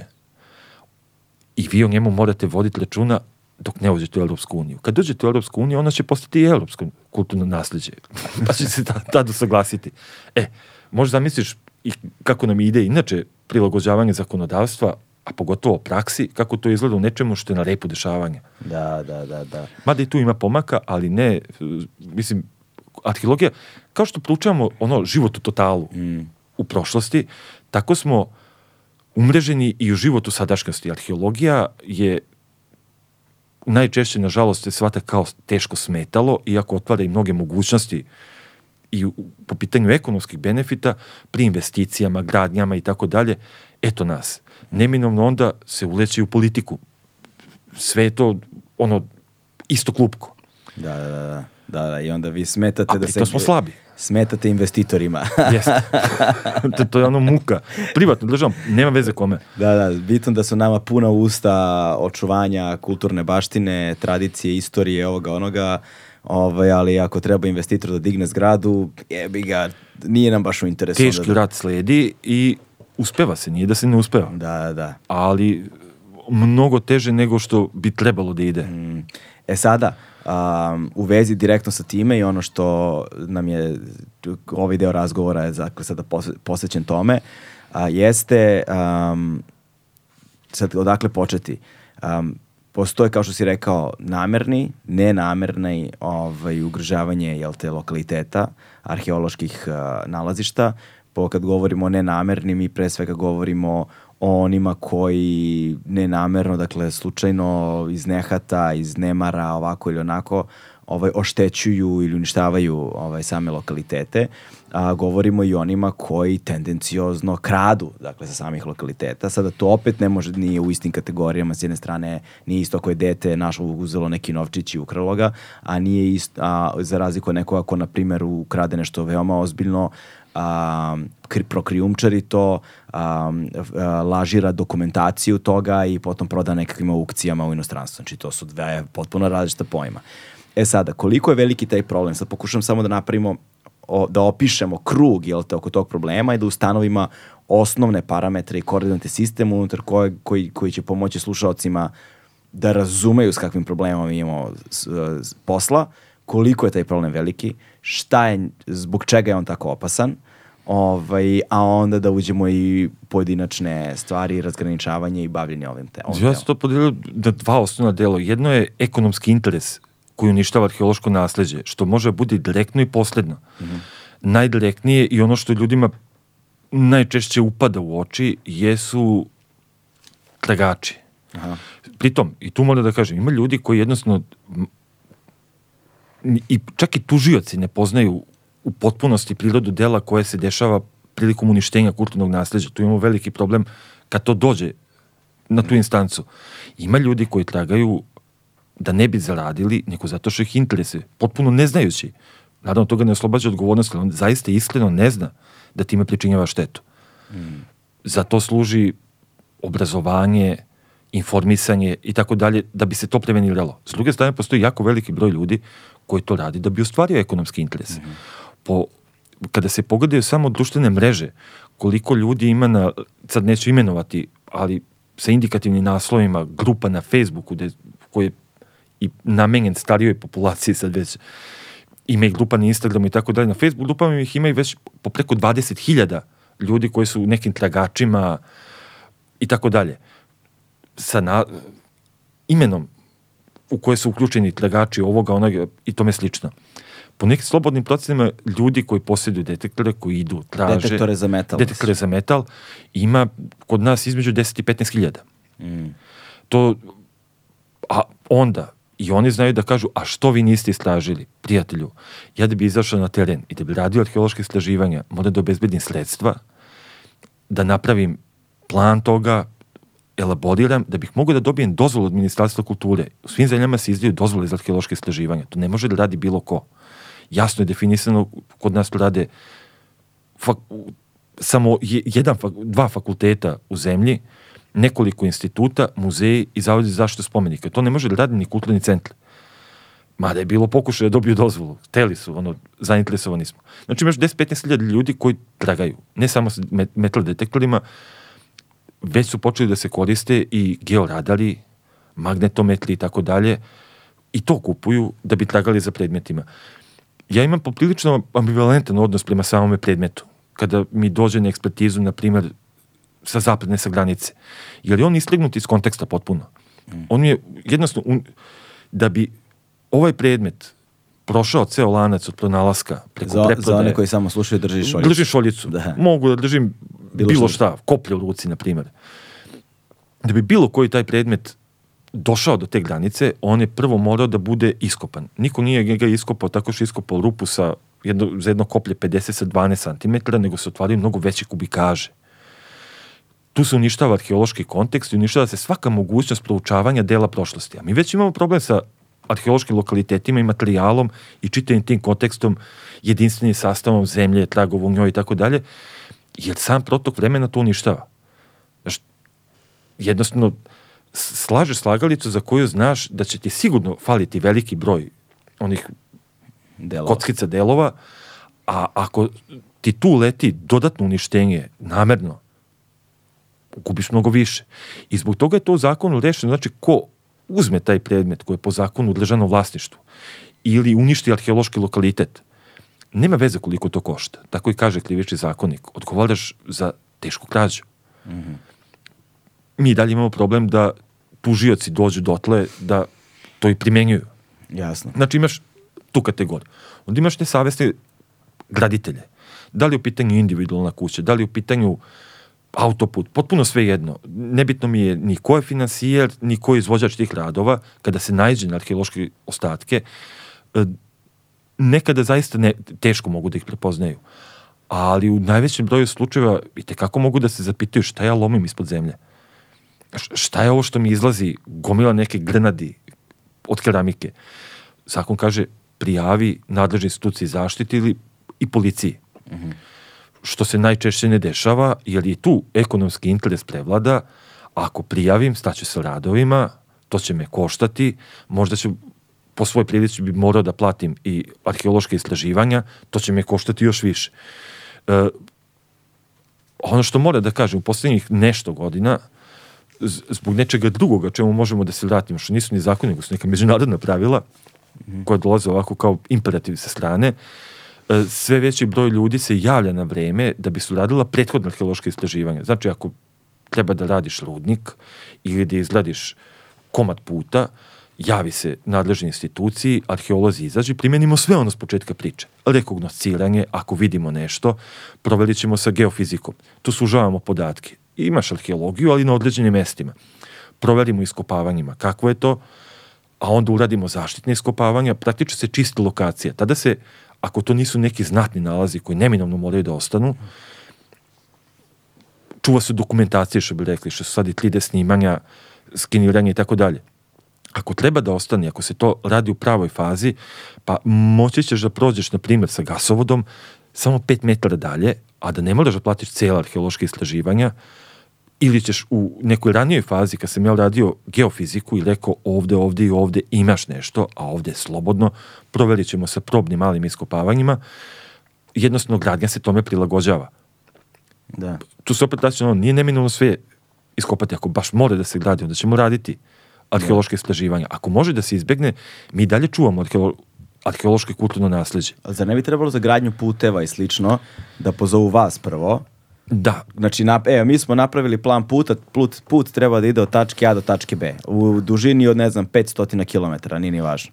A onda, valjda neko treba da kontaktira vas i da onda vi proverite tih 500 km puta i da kažete ok je da ovde ide put. I tu se javlja problem koji sad polako kreće da putuje, koliko vidim i nadam se da će nastaviti da putuje u dobrom smjeru. Problem je u blagovremenom zvanju službi zaštite, odnosno arheologa, kada je u pitanju Da, ali nasleđe. to su, mi ovde govorimo o ministarstvima, mi ovde govorimo o zvaničnim institucijama, mi ovde govorimo o protokolima koji bi trebalo da su uspostavljeni pre ko zna koliko decenija, ono, pre veka. Nažalost, loše su uspostavljeni. Da. Sad, a Mi- mogu se- u 2023. godini A govorimo. mogu se prebacim u suvi pravni mod. Hajde. So, Hajde da ubijemo ljude. to ovako izgleda. Znači, e, to je ona treća kategorija ekonomskog interesa, loše planiranje. E, u procesu izglede planskih dokumenta, to su razni urbanistički planovi, regionalni plan, prostorni plan, plan detaljne regulacije i tako dalje, najlogičnije i po međunarodnim uzusima, mi smo ratifikovali konven, Evropsku konvenciju o zaštiti arheološkog nasleđa koja predviđa, to mora se dešava, arheologi bi trebalo da pozovu, pozovu u početnoj fazi planiranja. Znaš, hoću da gradim put odavde do ovde, ovo mi je o, moguća ruta u širini od 200, 300, 500, 600 metri, iako će on biti širok samo 40. Mi tada treba da im pomognemo da se uspostavi balans između ekonomskog i javnog interesa ili očuvanja in, nasleđa i javni interes. To nije samo vlasništvo države, već i tvoje, moje i naših pravnuka koji to treba da nasledi. Zato jeste nasleđe. To je ono što ima vrednost da se čuva za buduće generacije. E, tada bi trebalo da se prođe sve, sva ta pravila znači od rekognosciranja preko nedestruktivnih metoda i tako dalje, da bismo utvrdili gde ima nasleđa, pa da oni onda vide gde je njima ekonomski isplativo da prođu i da nađemo neki kompromis, nešto će možda neminovno morati da se istražuje prethodno, onda više nema zaustavljanja u radovima. Nažalost, naše zakonodavstvo, nasleđeno od prethodnih decenija, još uvek kaže sledeće, ja hoću da radim plan, ja uzem pa ga radim, angažujem nekoga sa strane ko će mi biti konsultant, kao za životnu sredinu Da. i izađem sa nekim predlogom plana, to se zove rani javni uvid. Znači, ono u osnovni, u stvari, u poprilično dobrim konturama je izašao plan, ja već znam šta hoću, a znam i gde hoću to da radim, ja vas sve obaveštavam, tu se ti ja pojavljamo i kao građani, koji možemo da damo primetbe. Nakon toga, oni kažu, pribavljanje informacije od imaoca javnih ovlašćenja. U prevodu to znači e, tražit ću zavode za zaštitu prirode, tražit ću zavode za zaštitu spomenika kulture, koji su uslovi za to. Još uvek nije kasno. I tad bi mogla ta istraživanja da se urade, ali naše zakonodavstvo kaže taj zavod ima 15 dana fore da da svoje papire. On možda ima na osnovu onih dojava, javite nam ako nađete u bašti, nekih od istraživanja, neke informacije o nekim lokalitetima. Ali daleko od toga da ima o svim. Pogotovo na predelima koji su danas šuma, a sutra treba postanu put i slično. I mi se sve vreme koljemo u tome jer na kulturno nasleđe zaborave i ukače ga tek kada moraju. I ti onda ne dobijaš potpuno. Neki zavodi kažu, čekaj, uspeju da izbuksuju i da se uradi to, međutim, onda donosilac plana odlučuje da li će sve to uvrstiti u planski dokument. I mi smo stalno, znači, osnov za zaštitu Ali čekaj, taj donosilac plana odlučuje da li će to da uvrsti u svoj dokument. Na osnovu čega ima... Ja, zato što se umeđu vremenu, sad moram da uđem još u pravo, znači, samom sebi, samo meni mi je ono povremeno muka koliko sam morao da uđem u pravo, razmišljam isto da ti kažem da upišem master Da, na pravo. u tome, daj, ali najozbiljnije, umeđu vremenu su bile neka dopune zakona i tako dalje. Naš zakon je do skora govorio ovako, uh, imaš arheološki lokalitet ili imaš staru zgradu i ona bi možda i trebalo da bude ta zgrada kulturno dobro. E, da bi postala kulturno dobro, mora da prođe jedan veliki pravni postupak, upravni postupak utvrđivanja za kulturno dobro. Zavod za zaštitu spomenika popuni jedan list, to se zove evidencijni list, i od tog trenutka popunjavanja, na kome piše datum, gde dao osnovne karakteristike lokaliteta ili objekta nadzemnog, e, po zakonu je tekao rok od- tri godine u okviru kojih to mora da bude utvrđeno za kulturno dobro, inače pada prethodna zaštita, kada ne postoji. To je problem sa rušenjem objekata u urbanim tkivima i tako dalje. Ali arheološki lokalitet je nešto drugačiji. Ja mogu da znam lokalitet, kao za ove stubline sa početka priče, Da. koje su istraživane, pa nije procenjeno šta sve mogu da zapremaju.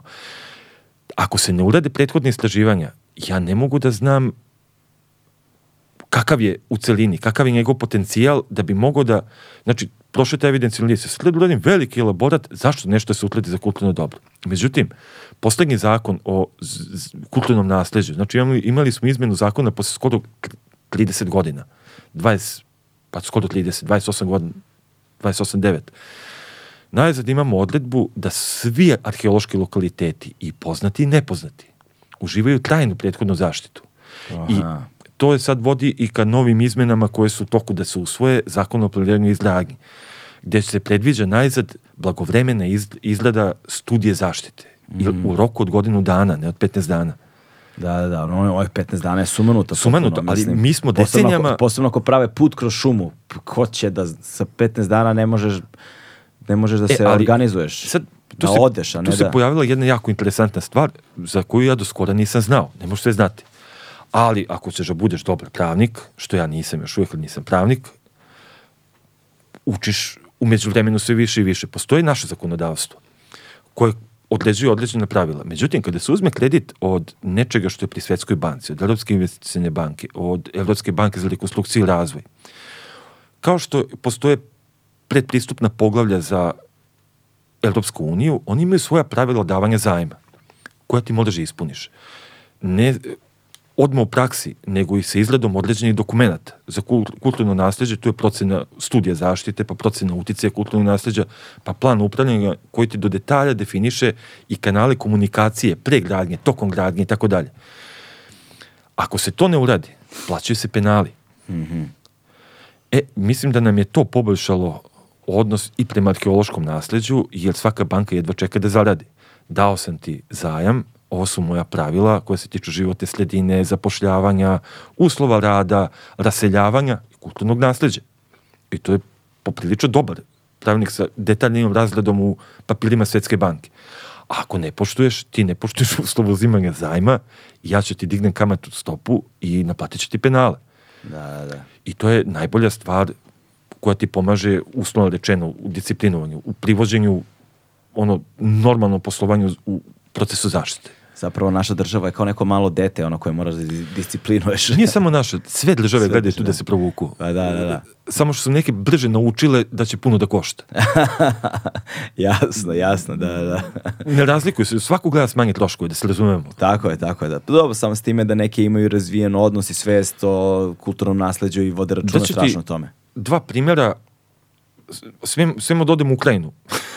Smeš da odeš da hoćeš. Nešto prije rata i iz rata sada, odnosno specijalne operacije, kako se već zove. E, iza 2014. godine, kada je Rusija uzela Krim, krenuli su grade ovaj most koji je jako bitan, to se pokazalo i sad za vreme ovih sukoba, kada su ga napadali i slično.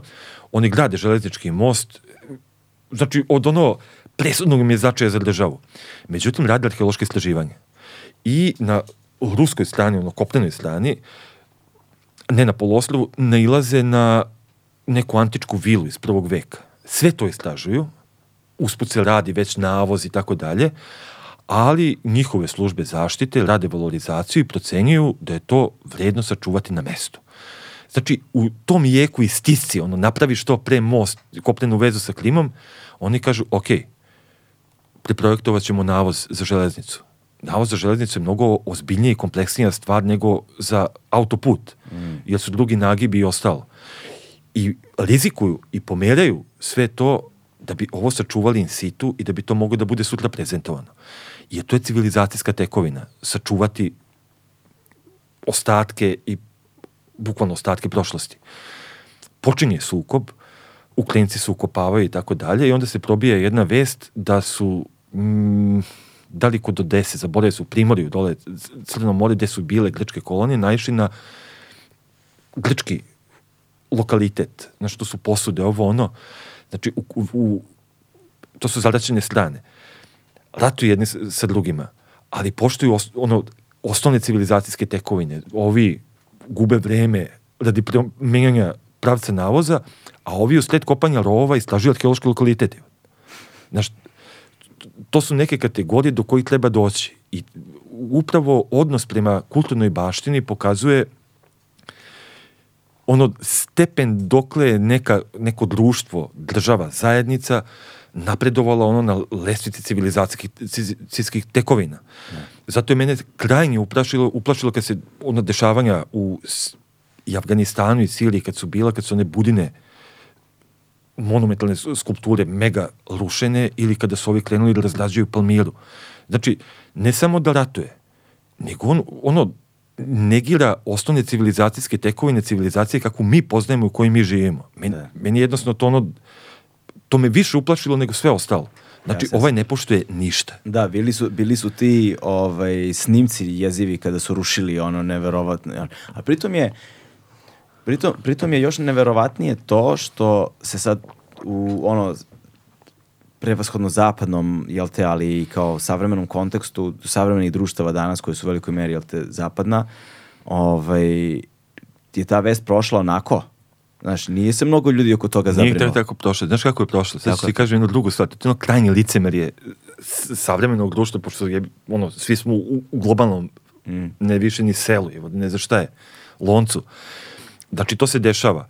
Imaš ono rusku epizodu koji nakon oslobađanja Pal- Palmire prave koncert klasične muzike u Palmiri. Ne znam da si vidio taj snimak Nisam video taj snimak. to potpuno nestvarno izgleda. Znači, svojim avionima prebacuju filharmoniju i prave koncert klasične muzike u Palmiri koje su oslobodili od ISIS-a. Sa druge strane, pošto sam morao da pratim cene antikviteta na zapadu, kad nam dođe na procenu nešto, znaš, mora da vidim koliko to košta na tržištu. Ono što je na tržištu, to je vrednost. Posle ima formula kako se to smanjuje za fizičku vrednost u novcu u Srbiji. Međutim, ono što mi je bilo jako indikativno jeste kako, kako su počele da padaju cene antičkih mozaika. Pojavili su se mozaiki da može kupiš antički mozaik za 150.000 funti. E, medmerne plastike, ono, medmernih glava, skulpture i ostalo. To je takav promet bio sa Bliskog istoka. Znači, ono, Odnosno inflacija Da, da. robe koja je oborila cenu. nisu se tome protivili. Da, da, da. da. Tome se nisu protivili, to je nečije kulturno nasleđe. Iščupali su ga odatle kao što je izneto iz Egipta ranije, kao što je izneto Da. Kako, kako s Partenona, bez ikakvih problema. Kako kaže, kako kaže jedan moj prijatelj, kaže, znaš zašto piramide nisu u Londonu? Zato što su bile previše velike da ih odnesu. možda, pa bukvalno. ali nisu bile previše velike. Znaš, piramide nisu izgledale ovako kako su izgledale. To čitao prošlo su ih pljačkali. Da. Ispostavilo se da je Keopsova bila obložena belom oplatom i da je imala pozlaćeni vrh, čega nema. Da. Ima tragova te bele oplate. To, to je isto skidano i odnošeno. To je moglo se odnese. Da, video sam ovaj, zapravo, video sam neke uh, kao projekcije, snimke, šta li je već kao pretpostavke kako je zapravo izgledala, ona je zapravo bila potpuno glatka površina, ono koja se presijavala. A to je moglo se odnese. Da, to što sve odneli. To sve što su mogli da odnesu, odneli su, jebi ga, zna. Ovaj, e sada, kakva je situacija ovde? Dakle, hajde govorimo o tome, evo, na primjer, govorili smo o vinčanskoj kulturi. Dakle, govori, go, koliko, je, koliko su lokaliteti vinčanski ovaj, E, sa vinčanskim Propali ili što, opljačkani? i neolitskim lokalitetima je nezgodno to što za razliku od antičkih, Mhm. koji su se najviše peljaše, što bi rekli, e, teško ćeš da dođeš do predmeta čitavog, što ne znači da se oni ne pljačkaju. Znamo za nekoliko situacija gde su bukvalno bagarima prekopavani. Ne radi metal detektor metala, nema i kad ga ima i suviše redak, ima bakra, ali redko se nalazi, a ako grubo kopaš ašovom, uništit ćeš većinu stvari, ali i kopaju. Na više lokalitete za to znam da je, da je kopano, da je rađeno na par lokaliteta i bagerom, pa prosejavaju zemlju i odnose. Međutim, ono što sam video na inostranim aukcijskim kuća- kućama, što mi nije jasno, pa vjerojatno nemaju stručnjake odavde iz Rumunije i Mađarske koji bi to umeli da prepoznaju, ima jako puno fejkova vinčarskih figurina koje se također prodaju za znatne novce. koliko, za koje novce? Ajde da damo neke odrednice, samo ljudi da razumeju. Teško je, teško je dati odrednicu, iskreno ti kažem, jer ono što sam vidio, na primjer, bilo koje antikvitete koje se pojavljuju u Americi, koštaju nerazumno puno. Šta to znači? Pa, na primjer, ako jedan vim, novčić viminacijumski, koji je kovan u viminacijum, tamo je nešto godina radila kovnica rimskog provincijalnog novca, ako ovde možeš ga nabaviš za, u zavisnosti od stanja, 20 do 50 evra standardni, na zapadu će on biti 50 do 100 u zapadnim zemljama, ali kad se pojavi u Americi, on može košti 500. Znaš, Jedan novčić. Da, Dobro. a to je sve tržište. Video sam pre više godina neke figurine koje su mi izgledale kao originali, koje pitanje da li su iz Srbije, jer opet zapremalo je teritoriji više zemalja, vinčarska kultura, koje su otišle, na primjer, za 120.000 dolara. Ali sam video i originale koje se na zapadu, na manjim aukcijskim kućama, jednostavne vinčarske fi- figurine koje se prodaju za 150-200 evra. E sad, od tih cena koje se pojavljuju na aukcijskoj kući, bez obzira da je 200 dolara, da li je 200.000 dolara, ono naš, naš narod često ne obrati pažnju, a kada hoće da vidi koliko košta poglede na aukcijama, jeste da odatle odlaze i porez, i udeo aukcijske kuće, i pet luku da to stigne dotle, i tako dalje, i tako dalje. Da, da. Ali opet, ono što znam, e, vinčarske figurine se nalaze prevashodno u smeću. U kućama se nalaze cele, ova grupa od 43 je izuzetak, obično se nalaze jedna ili dve u kućama. Znači da bi neko došao do cele vinčarske figurine, on uništi ne zna se koliko informacija i sećanja na te ljude koji su nekada živeli. Ima jedna stvar, jedna je stvar kad gledaš tako kulturno nasleđe i kad, kad, kad se ono raspača koliko košta ovo, koliko košta ono, pa ja krenem da ti pričam o kontekstu, o informacijama, ali ima jedan aspekt kulturnog nasleđa i na tome insistiram kada ljudima pokušavam da objasnim i zašto nam je između ostalog bitno. Ima da, da ću ti jedan primjer iz mog Obrenovca. Obrenovac je grad posle 2014. posle poplave koji u najvećem broju kuća, domova, nema sećanje na predigitalnu eru. Kada se desila poplava, ja živim na prvom spratu, došao mi je drugar, doveo neku holandsku ekipu novinara, izađemo na terasu i ugledam dole onako nadrealna scena. Komšije susedne zgrade koji sedi na zemlji, znaš, tava je malo narasla, još uvijek je blatnjava od onoga mulja koji je bio i ređa da mu travke stoje kao oslonac, ređa fotografije, da vidi koja se sačuvala i koju može da osuši. Znaš, i to je, to, to, to, to je privatno kulturno nasledđe. I onda sam shvatio da 8000 objekata, 9 koliko je bilo popiljeno, niko više neće imati sećanje na pre 2003. 4. i vreme kad je kupio prvi digitalni aparat. Ako mu je stradao hard disk, neće imati ni to. O, znaš, ljudi moraju, kad im govoriš o nasledđu, da shvate da su i privatne nasledđe i privatne priče takođe sutra možda deo globalne priče o kultu, kulturnom nasledđu. To je ono kad, to stalno isto pominjem u kafani, onaj koga baš briga za nasledđe, a to sam video kada smo u istom tom Obrenovcu radili e, radili smo ono strategije razvoja kulture i tako dalje, nasleđe tu naravno upada, pa radiš veliki upitnik, pa smo radili preko velike agencije sa 97 upita, niko nema pojma o kulturnom nasleđu. Znaš, a ako ih pitaš o kulturi, maksimum prepoznavanja, na primjer, bio jedan pobednik Zvezda Granda. I to je to. E, ne prepoznaju ni biblioteku kao nešto što ku, čuva kulturno nasleđe. Ali sam, na primjer, tad prepoznao, bio zapanjen kad smo imali pitanja o arheološkim lokalitetima, 25% zna za arheološki lokalitet na teritoriju Obrenovca, 25% zna za te stubline. I onda smo radili kroz analizu da vidim, interesovalo me koje ciljne grupe za to znaju, jer ja znam na koga sam ja ciljao. Ciljao sam na preko društvenih medija, na mlađe, na školsku omladinu i tako dalje. Mislio sam da, da su to oni koji će moći da prepoznaju. A onda se ispostavilo da su to uglavnom ljudi sa sela, sa nižim obrazovanjem i srednjih godina i tako dalje, onda smo gledali njihove ostale odgovore i tad sam shvatio da je to njima jako puno značilo za vezivanje za mesto. Nema veze što to nije iz njihovog sela, a to je iz blizine. Njima je to, onako, prihvatili su to kao deo svog identiteta.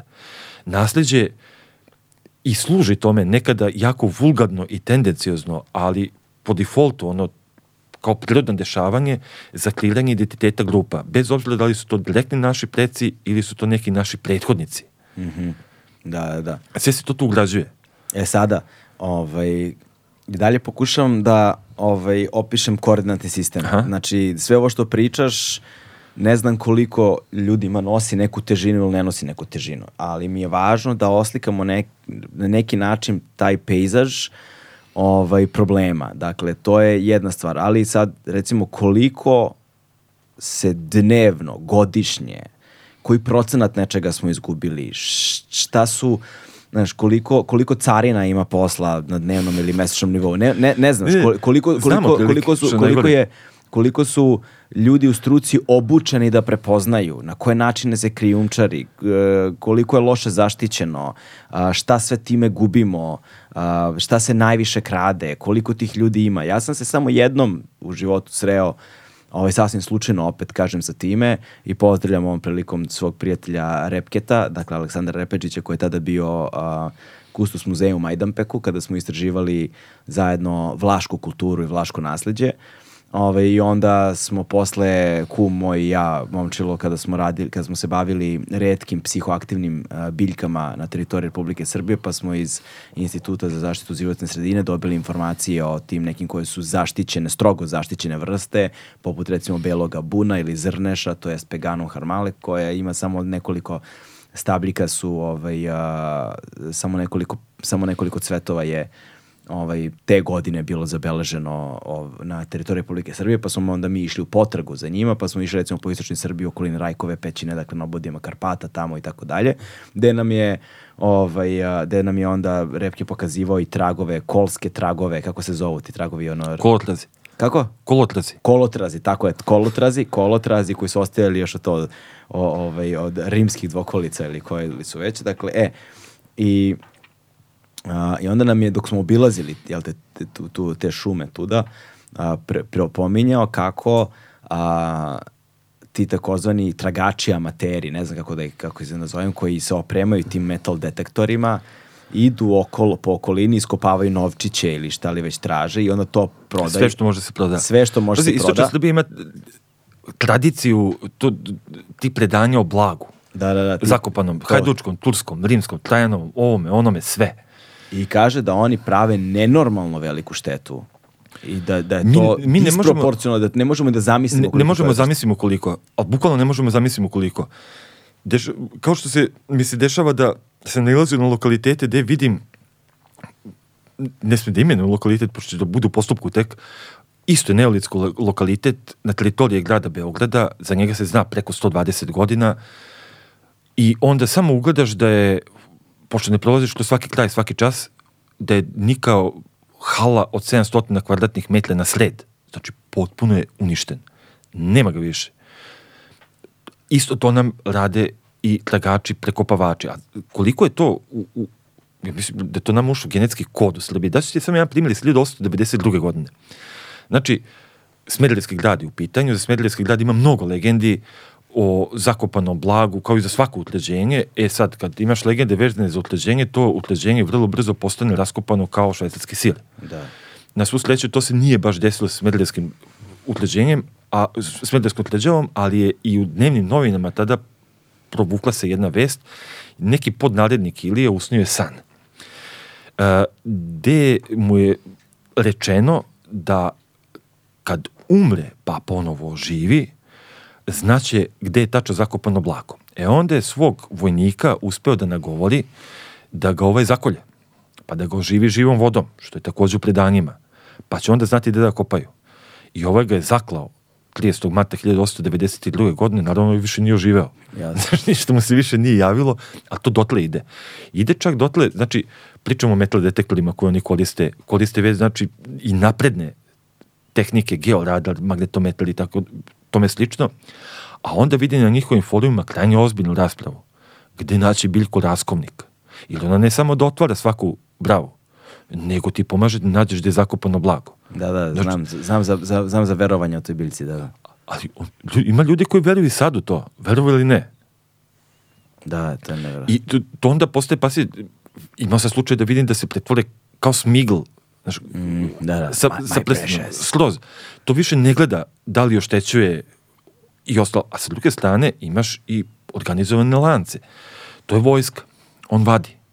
On prekopava, a onda imaš kao i u svakom ono sv- svakoj ilegalnoj trgovini imaš lance za preprodaju.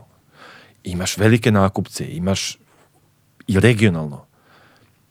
Da bi to došlo do granice, da bi se iznelo. Pomenuo sam između 10 i 15 hiljada ljudi koji posjeduju i tragaju. Ali sa druge strane, kad sam pogledao statistiku koliko je ljudi optuživano za to prethodnih godina, to u proseku izađe u poslednjih 10 godina, sad se zaboravio, negde 7 ili 8 optuženih na godišnjem nivou. Da. A nas dvojice dok ovde pričamo, to se vratno dešava na više mesta u Srbiji proleće. Škreću zemljene radovi, radi se na veliko. A kada dođe do granice, ja radim u Narodnom muzeju Srbije, u kontaktu sam i sa kolegama iz drugih muzeja koji se nalaze pri graničnim prelazima, pošto svima nama dolazi ono što se zapleni na granici na ekspertizu, da se vidi da li je to dobro koji uživa prethodnu zaštitu, da li treba da se pokrene postupak i tako dalje. U poslednjih 10 godina prosek je uh, 0,6 optuženih godišnji. 0,6. 0,6 optuženih godišnji. Znači, to, to, to, nepostojeće. ono, to nije statistička greška. Da, da, to je manje. I, Da. ništa. Bukvalno ništa. Dok sa druge strane, e, vrlo dobro znamo šta se dešava, ne tako što vidimo ljude, nego što vidimo posledicu toga što su radili. Ok, hajde da govorimo o tim posledicama. Šta se sve iznelo odavde? Šta si sve video na stranim aukcijama što je bilo ovde? Šta je sve carina zatekla ono, u, do, sad, do sada? I naravno, šta si sve zatekao na lokalitetima? Mislim, puno je pitanja, ali jasno ti je otprilike da cilj. Evo, koga god interesuje šta sve može da se nađe kod nas, tu neće videti ono ekstra redke, izuzetno lepe, vredne predmete, ali da napravi jedan presek šta se sve nalazi na livadama po Srbiji, može da otvori limun do kupim, do kupujem, prodajem. Da ukuca ključne reči i da nađe hiljade ponude. Ja sam više puta pokušao, pre više godina se dopisivao sa njihovim timovima za bezbednost, pošto svako od njih mora stavi ono nije kulturno dobro i muzej ne polaže pravo preče kupovine, niko od njih ne može da dokaže da je to Da nije ponuđeno bilo u muzeju i tako dalje, niti poreklo toga. To se prodaje sve vreme, oni ti ukinu onda, izađu u susret, pa se skine par aukcija, oni se pojave na sledećem mestu. Naši ljudi već uvoliko rade i preko eBay i drugih stranih sajtova, prodaje se ono što sam video gde se sve šalje, šalje se i po Evropi, po Americi, Australiju i tako dalje, naravno sa lažnim pošiljavcem. E sada, kako je koja pošta agilna, carina pri pošti, dolazi veći ili manji broj zaplena. Dok sa druge strane znam za slučajeve gde je u evropskim državama uhvate našeg državljanina koji prodaje nešto što je po svojoj prilici odavde, što nije mnogo vredno, a da ne pretjeramo do 150 evra sve ukupno kod njih, za toliko nudi. Vide, kažu, aha, ali to ne sme se prodaje. Dođu gajbi, uhvate ga, zaplene sve, onda diplomatskom poštom obavesti Srbiju i pitaju šta da radimo sad sa ovim, to je vaš državljanin odatle i odatle, mi smo ga zbog toga i toga uhvatili, onda se to diplomatskom poštom dođe ovde, proveri se šta je i izvrši se povrat. Nažalost, to su uglavnom iz nekog razloga ni te zapadne države ne idu kod onih koji prodaju vrednije stvari. Ne razumem. Šta je... E, pa neće nam tako javiti za rimski, ne jave nam za rimsku diplomu vojničku koja ima ne samo materijalnu vrednost, nego sa nje iščitaš, znaš, ono, i odakle je čovek koji je službovo, pa je dobio vojnu penziju ovde, ko su bili konzuli u to vreme, znaš, popunjavaju se čitave priče i o rimskom carstvu i o privatnim životima, u kojim vojnim jedinicama je služio sve, saznaš su ovolike bakarne pločice. Bakarna pločica. Da, bronzana, ajde, Da, da, da. češće su bronzane. Neverovatno, da. E, za to nismo imali dojave, ali, na primjer, A ti si video te bronzane bakarne video i pločice? čak sam uspeo sad da uđem u trag, pošto su mi, tražili su nam proveli informacije za neke, a onda sam uspeo da uđem i to je ono što mi je sledeći korak, da ne se napišem rad, nego da napakujem dobru dokumentaciju i da pomognem našim ministarstvima da imaju osnov da traže povrat nečega što je u privatnom vlasništvu na zapadu preko 30 godina, pošto, na primjer, za neke vojničke, rimske vojne diplome, naši kolege starije su ih, na primjer, 80. godina videli, fotografisali, on crno-beli film Smena 8, zato što nisu mogli da ih uzmu. Ali su ih objavili, taj natpis, onda su one pojavile u zapadnim privatnim zbirkama ili su čak za, u dva slučaja na aukcijama jasno rekli da su nađene tad i tad, tu i tu. Mi znamo da su na jednom mestu njih šest nađenih, us, uspevamo sad da ih nađemo posle više decenija da su u privatnom vlasništvu, tu postoji međunarodno zakonodavstvo, sve zašta možeš da dokažeš da je izašlo odavde, posle 72. možemo da tražimo i povrat. I tu je veliki problem, to što kad si me pitao da prepoznam, ja mogu da naslutim da je nešto izašlo odavde, ali ako nemamo čitav sled da im dokažemo da je sasvim pouzdano odavde, niko se neće okrenuti da kaže da pokušat ćemo da, vrat, da vam pomognemo da vratite u Srbiju. E sad, to je još jedna stvar u vezi sa tim uh, artefaktima. A to je da u velikom broju njih postoji lažiranje dokumentacije. E, ona se pravi, pazi, on potpuno ilegalno izađe odavde, a onda se dokumentacija bilduje na aukcijskim kućama na zapadu, gde će se prodavati do postizanja prave cene. Kako se to radi? Mislim, koje su to po, po, po principi i postupci? Jer svakako oni koji kupuju žele da imaju autentičnu stvar koju znaju poreklo. Kod jedne grupe I predmeta proveravaju te informacije. pre nekoliko godina se pojavila, na primjer, ovde grupa predmeta koja pripada Keltima, on prvi vek pre naše ere. E, kolega je uspeo da dođe do fotografija toga preko njihovih zatvorenih foruma sa informacijom i gde je pronađeno. Bila je grupa pa izuzetnih predmeta, reljefnih pločica i tako dalje, delova nakita, Srebrenog, on je to uhvatio, jedina stvar koju je mogao, obavestio je nadležno ministarstvo, naravno to je otišlo odmah, znaš, to su mi iz policije govorili na Instagramu se pojavljuju ponude i brišu se nakon pet minuta. Nema, ono, gleda se da se ne ostave tragovi. Da, da. Međutim, on Prince Lin tapa tapa objavi u našem glasniku Srpskog arheološkog društva da bi se to samo godinu dana kasnije pojavilo na aukcijskoj kući u Nemačkoj, gde je vlasnik dao izjavu i potpisao da se to nalazi u njegovoj kolekciji, ne znam koliko dugo, da je nabavio na ono buvljaku u Austriji. Isti ti predmeti, ali ovaj put pocepani na dva dela. Znači, uništen je arheološki kontekst kada je to vađeno, a onda je prilikom lažiranja, prav- pravljenja lažne biografije, tu je išao najvulgarnije i jednostavnim sistemom. Ja sam dao izjavu. Pocepana na dva dela i prodavana kao dva, dve nezavisne celine. A s druge strane postoji i protok kroz nekoliko aukcijskih kuća. To smo imali slučaj sa rijetkim jednim novcem iz šestog veka, pre, petog, peti, šesti vek pre Hrista, pronađenog u okolini Vranja, gde znamo koliko je komada pronađeno, Kakav, ko je to novac? e, novac plemena Darona. Jedan od tih primjera, dali su nam na Ne, ne znam šta je pleme Darona. pleme Daro- Drona, to je bilo neko autoktono pleme koje je živjelo na granicama grčkog sveta. Onda, to je sada područje, to juga kraj, krajnjeg našeg, severa, severne Makedonije. Tu su bili i očigledno su imali jaku plemensku zajednicu, dovoljno jaku da se identitetski prepoznaju, a i da su dovoljno moćni u trgovini da su sami počeli da kuju novac. Mhm. Od čega? Od srebra. Od srebra. Srebrni je novac kovan i u jednom trenutku, sad se, mislim, 2003. četvrte, je pronađena ostava tog novca. Pronađeno ih je stotina komada odjednom. Wow. A, do Kako tad, izgleda taj novac? To ću morati proguglam posle da vidim kako izgleda. Ima, ima, i ima, ima, mo- može se naći, da. ima ono na dvokolici neki kao tera volove Da, da, da, ili da. bikove, volove vjerovatno bikovi neće da uđu u kola, s druge strane oni tiskali su na tri, tri noge koje trče u krug kao. Mhm. Aha, Najplastičnije te objasnim i kod nas u Narodnom muzeju jedan od njih stoji, pozajmili smo od Narodnog muzeja Vranje. Međutim, tad kolega iz Vranja ono, nadigne frku, alarmira sve i tako dalje, nisu uspeli da pohvataju novce koji su otišli, ali su radili revizijno malo arheološke istraživanje i našli još 26 komada. I oni su završili u muzeju Vranja. Ovi ostali su otišli. Koliko njih? Stotina nešto si rekao. Stotinak izgleda. Stotinak nov, novca. E, ali Čuj, koja je njihova vrednost tako na aukcijama tim? E, to mogu tačno ti kažem, pošto se posle morao radim ono forenziku u traganju za njima. Aha, okej. Jer su se vrlo brzo pojavili, tu, tu vrednost je od 6000 evra do oko 40.000 švajcaraca. Ok, dosta velika vrednost. E, ali tu mi je simptomatičan put, ovo kad kažeš kako se pravi, kako se uteruje u legalne tokove. Pre toga se znalo za jedan ili dva ta novčića koji su bili u opticaju. Drona. On- Nalazili su se u muzejima, ali su se rijetko pojavljivali na tržištu. Pritom mogu da se razlikuju iz nekog razloga, svi oni su imali izgleda i ono za trgovinu i za ono trgovinu unutra sebe.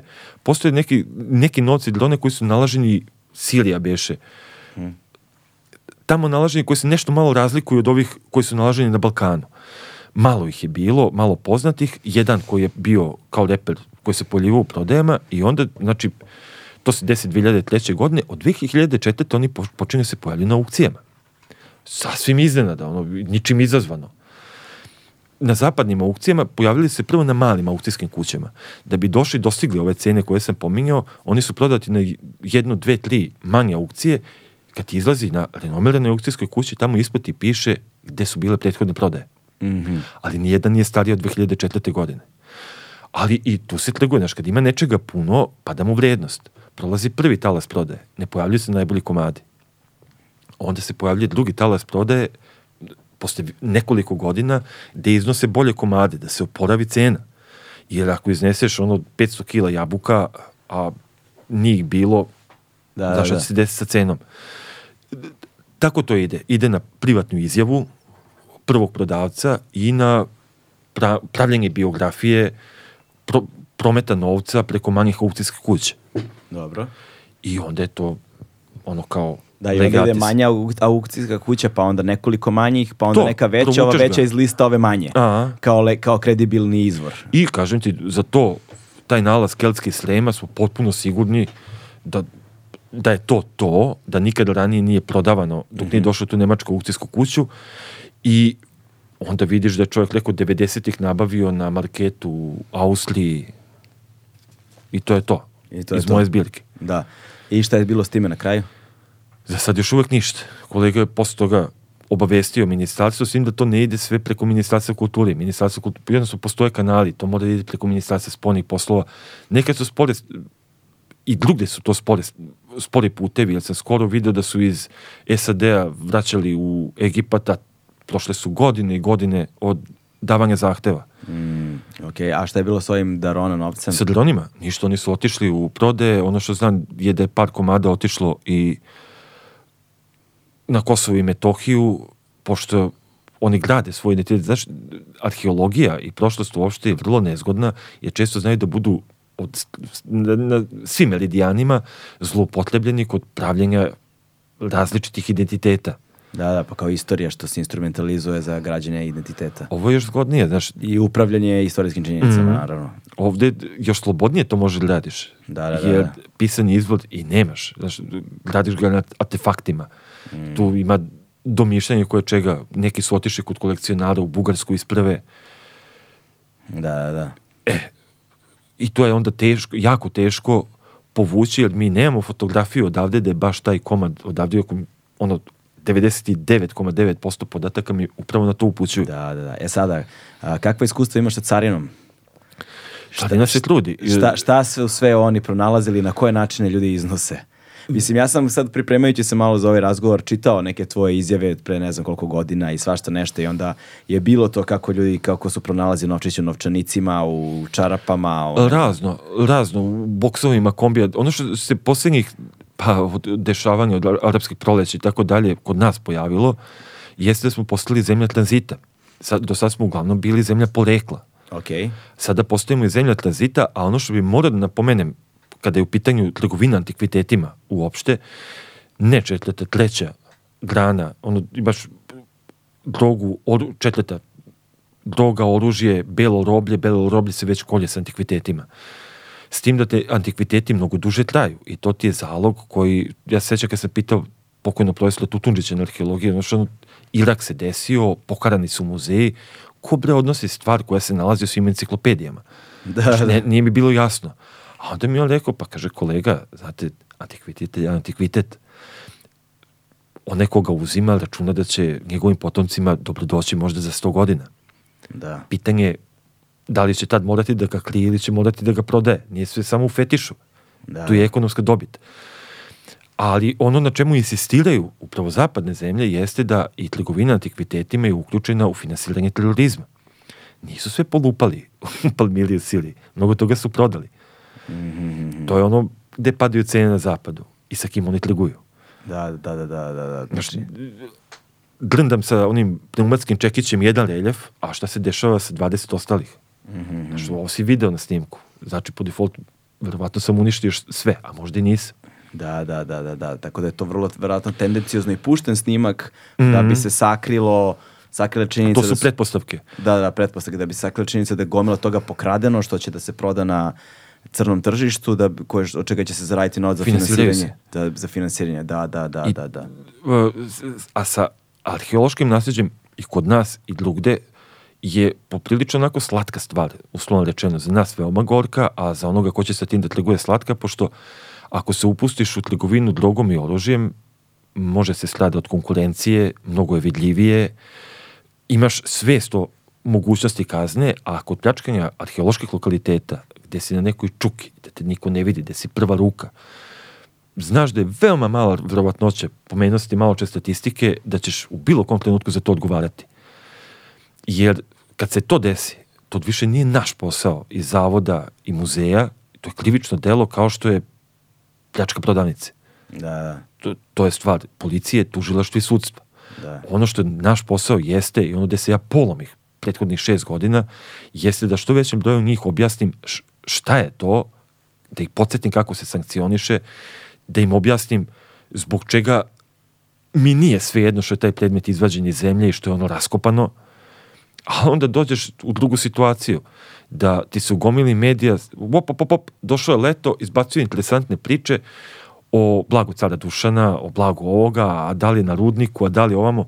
To je bukvalno kao da si nasletao ono, Čekaj, ko je blago? Ne razumijem šta. pre- Izbacuje priču o čemu? o blagu raznih naših vladara. To, to su ti ove legende i Aha, dobro, kazala. le, a legende I često izbacio, ok. urbane legende Dobro, dobro, dobro. novonastale. A, misliš da time inspirišu ljude da idu da kopaju, na to Itekako. misliš? A, I tekako. da, da, i onda ljudi idu i rovare. Idu rovali van organizovanih grupa, znaš, Individualci idu koji... skroz. Da, kojima posle ne možeš da uđeš u trag ni na koji način. I, tu, I to nam je problem. Znaš, ne znam odakle ti krenem. Da. Znaš, sve vrijeme pokušavam da uđem u, u priču. Ima tu i naručivanih stvari i za, za to smo čuli, do toga je dolazilo, Šta se naručuje? naručuje se prekopavanje određenih mesta. A, naporučuju i prekopavanje. Da. Ko poručuje čoveče takve stvari? Tu smo čuli za, za strane državljane koji su naručivali kod nas od organizovanih ekipa, ono targetirano treba mi odatle i odatle. Znam za... Šta traže? Šta, šta uglavnom traže? Prekopavaju se utvrđenja. E, Znam za naru, pokušaj naručivanja rimskih spomenika epigrafskih, gde znaju gde su nekropoli i ostalo.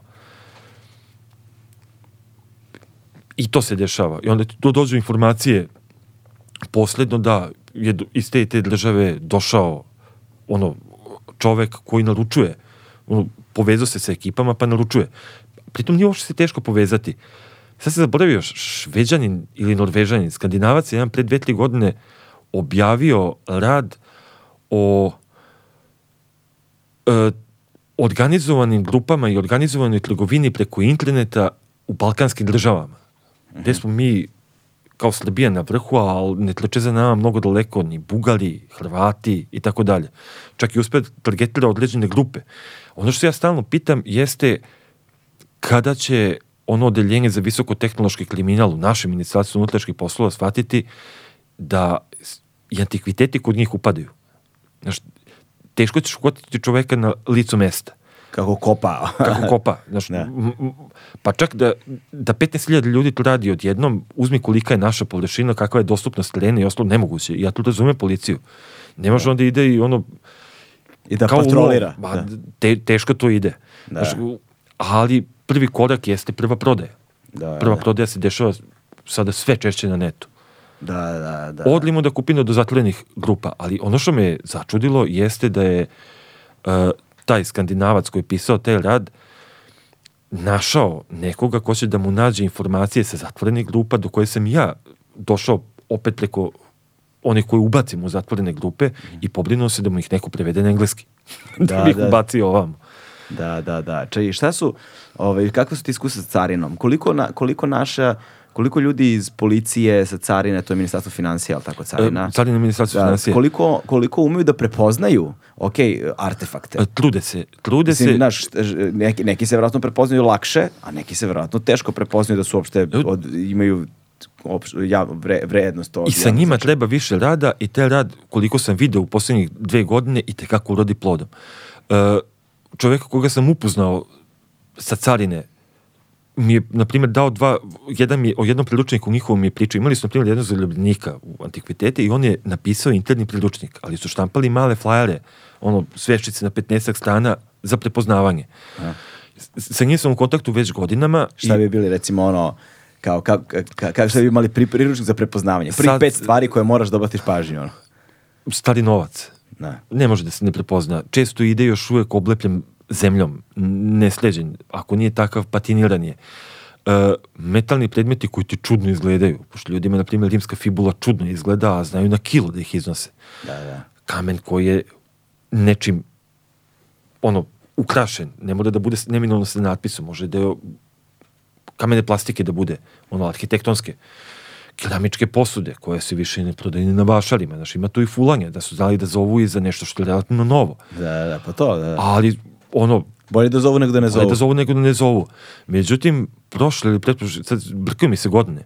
Mislim da je bilo prošle godine Ministarstvo kulture preko nekoga programa koji finas, finansira UNESCO i tako dalje, upravo posvećeno prevenciji ilegalne trgovine antikvitetima radilo radionice. Onda su išli na te radionice, odlično mi je bilo, zato što su bile ono jasno diferencirane ciljne grupe. Tužilaštvo, carina, sud, policija. Nakon toga sam imao znatno povećanje zvanja sa carine, jer, znaš, kad uvati stranog državljanina, on nema vremena, ono zaplena, pa ide kod nas na ekspertizu, njemu je obavezu u roku 24 sata to da reši. Koga ću da zovem? Jao, bili smo tamo, ti si bio tamo, ste videli nekog, jesam, evo telefon, zovi. To su kanali koji se prokopavaju ono da kao kad ti te culi voda u kuću pa ti izvučeš onom motikom, ali nama trebaju pravi kanali i Da. mehanizmi, utabane procedure, ono što inače nama u Srbiji fali, a to su jasne procedure gde ti možeš da voziš i da imaš 80-90% predviđenih događaja na tom putu, a ono ostalo je varijabla koju ćemo slediti. Da. I prošle godine je IKOM Srbija, ovo među, ogranak međunarodnog udruženja muzeja, objavilo je, objavili smo za jugoistočnu Evropu ono red list sa izabranim predmetima, ovo što sam je malo čas pitao, sad mi je krivo što nisam ponovno biti dao onaj red list, otvoriš i vidiš konkretne primere. Mhm, dobro. E sada nam je plan da ove godine to uradimo u malo većem obimu, upravo radi prepoznavanja i radi ob obsluživanja carinika time. Pa to kad govoriš to da imaš 80% ono, e, predviđenog, e, predviđenih stvari, to znači da mi ovde otprilike znamo sa čime se raspolaže na ovom po, kao zemlja porekla, sa čime se ovde raspolaže i kako te, ti predmeti izgledaju i šta je potencijalno ono što može da se iznese i onda ti imaš 80% toga možda pokriješ već to- samom fotografijom. Kad ti to vidiš, ima i onaj drugi kanal, a to je da znaš koga da okreneš, koga da zoveš, da ne gubiš vreme i da to ide glatko i utabano. Jasno, jasno, jasno. I šta se najčešće iznosi odavde? Novac, pretpostavljam. Sve bre, sve što može se proda. Znaš, sitni taj antički novac i sitni metalni predmeti najviše zato što ih najviše ima. I zato što se najlakše iznose, vjerojatno. Pa i na tome se pada. Pretpostavljam da zbog dojava, Da. ali i na tome se pada. Količinski se to iznosi, ali neka rimska kola za koje smo imali posljedna saznanja da su pronalažena i odvožena, ti u ne samo po pitanju novca, nego po pitanju informacija, ali i ekonomskog benefita koji bi mogli da donesu u budućnosti, premašuju, na primjer, dvogodišnji izvoz fibula. Otko znam je. Da, čekaj, ko- kolika su ta rimska kola? Rimska kola, to znamo po onome što je zvanično istraženo izloženo u drugim zemljama, pa znaš kolike su karuce, ono, što voze, ili fijakere. Da, da, da. Pa toliko. Toliko. Samo što to ne stoji tako kad se pronađe, to stoji u rasklopu. Da, da, da. Svi organski materijali su ispluli, tu su samo metalni delovi i tako dalje. To ti je, na primjer, pola kedija. Aha, aha, pola kedija. Ali je se oni iznose odjednom ili E, deo po deo? Ne znam iskreno kako se iznose, ali mi sad pada na pamet, a koji izvoziš sekundare Sekundarne sirovine, da. i izvoziš kamion sa gvožđem. Ko će bre da vidi to? Evo? Pa da, i to što kažeš. Stvar je uraditi prevenciju, ne hvatati tu, ako može i na licu mesta, nisu to male radovi da bi neko to iskopao. Da, da. ali uhvatiti pre nego što dođe do tamo. Ne bi li mogao da se vratiš i nazad da vidiš gde je pronađeno? Mm, I da nekako povratiš arheološki kontekst ako je moguće. Da, da, da. Meni bi to bio primarni cilj. Jer samo uzimanje predmeta, ok, završit će kod nas u muzeju, ali ako ne znamo dakle, je, Mm. ako nema više podataka, pa mislim, ok, Šta su najvrednije stvari koje su iznešene odavde da ti znaš? Pa ne znam. Znam koje su trebale da budu iznete. Šta kažeš, znaš koje su? koje su trebale da budu iznete. Znaš, Koje? ono što je vredno izneto, to nikad nećeš saznati. A, pa, a ti ne znaš šta je, šta je mislim, ono Kako ne, da znaš? Pa da, to, ne znaš šta je sve izneto odavde, ali šta je najvrednije za šta znaš da je izneto?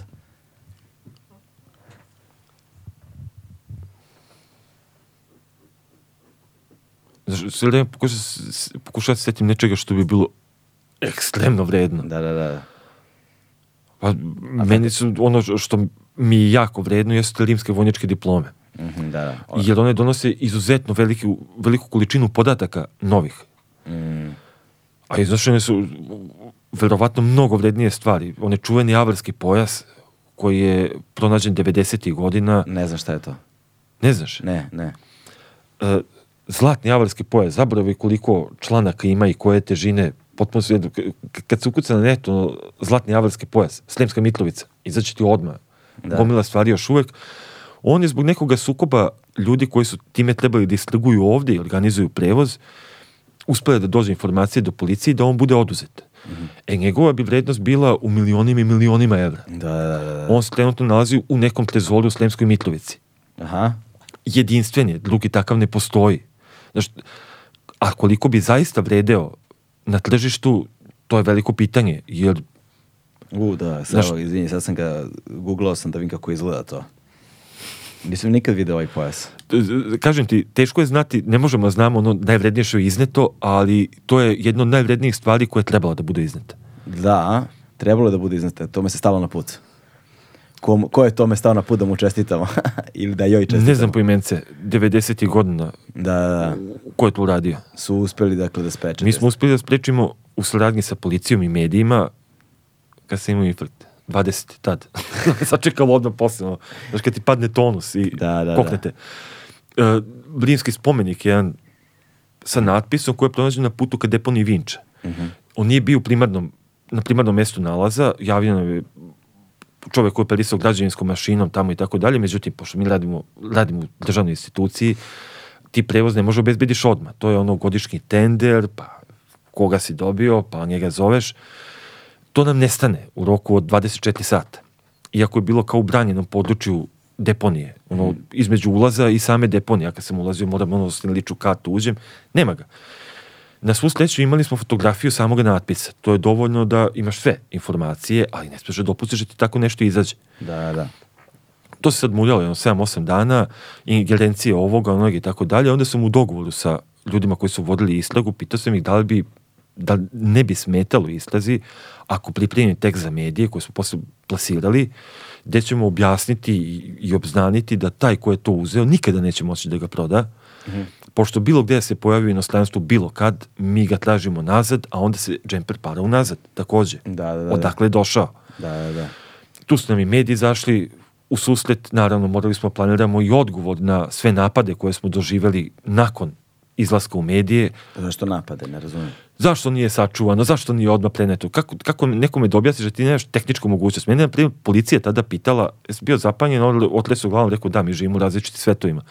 Kaže, a kako ste vi to otišli subotom, nije vam bio radni dan?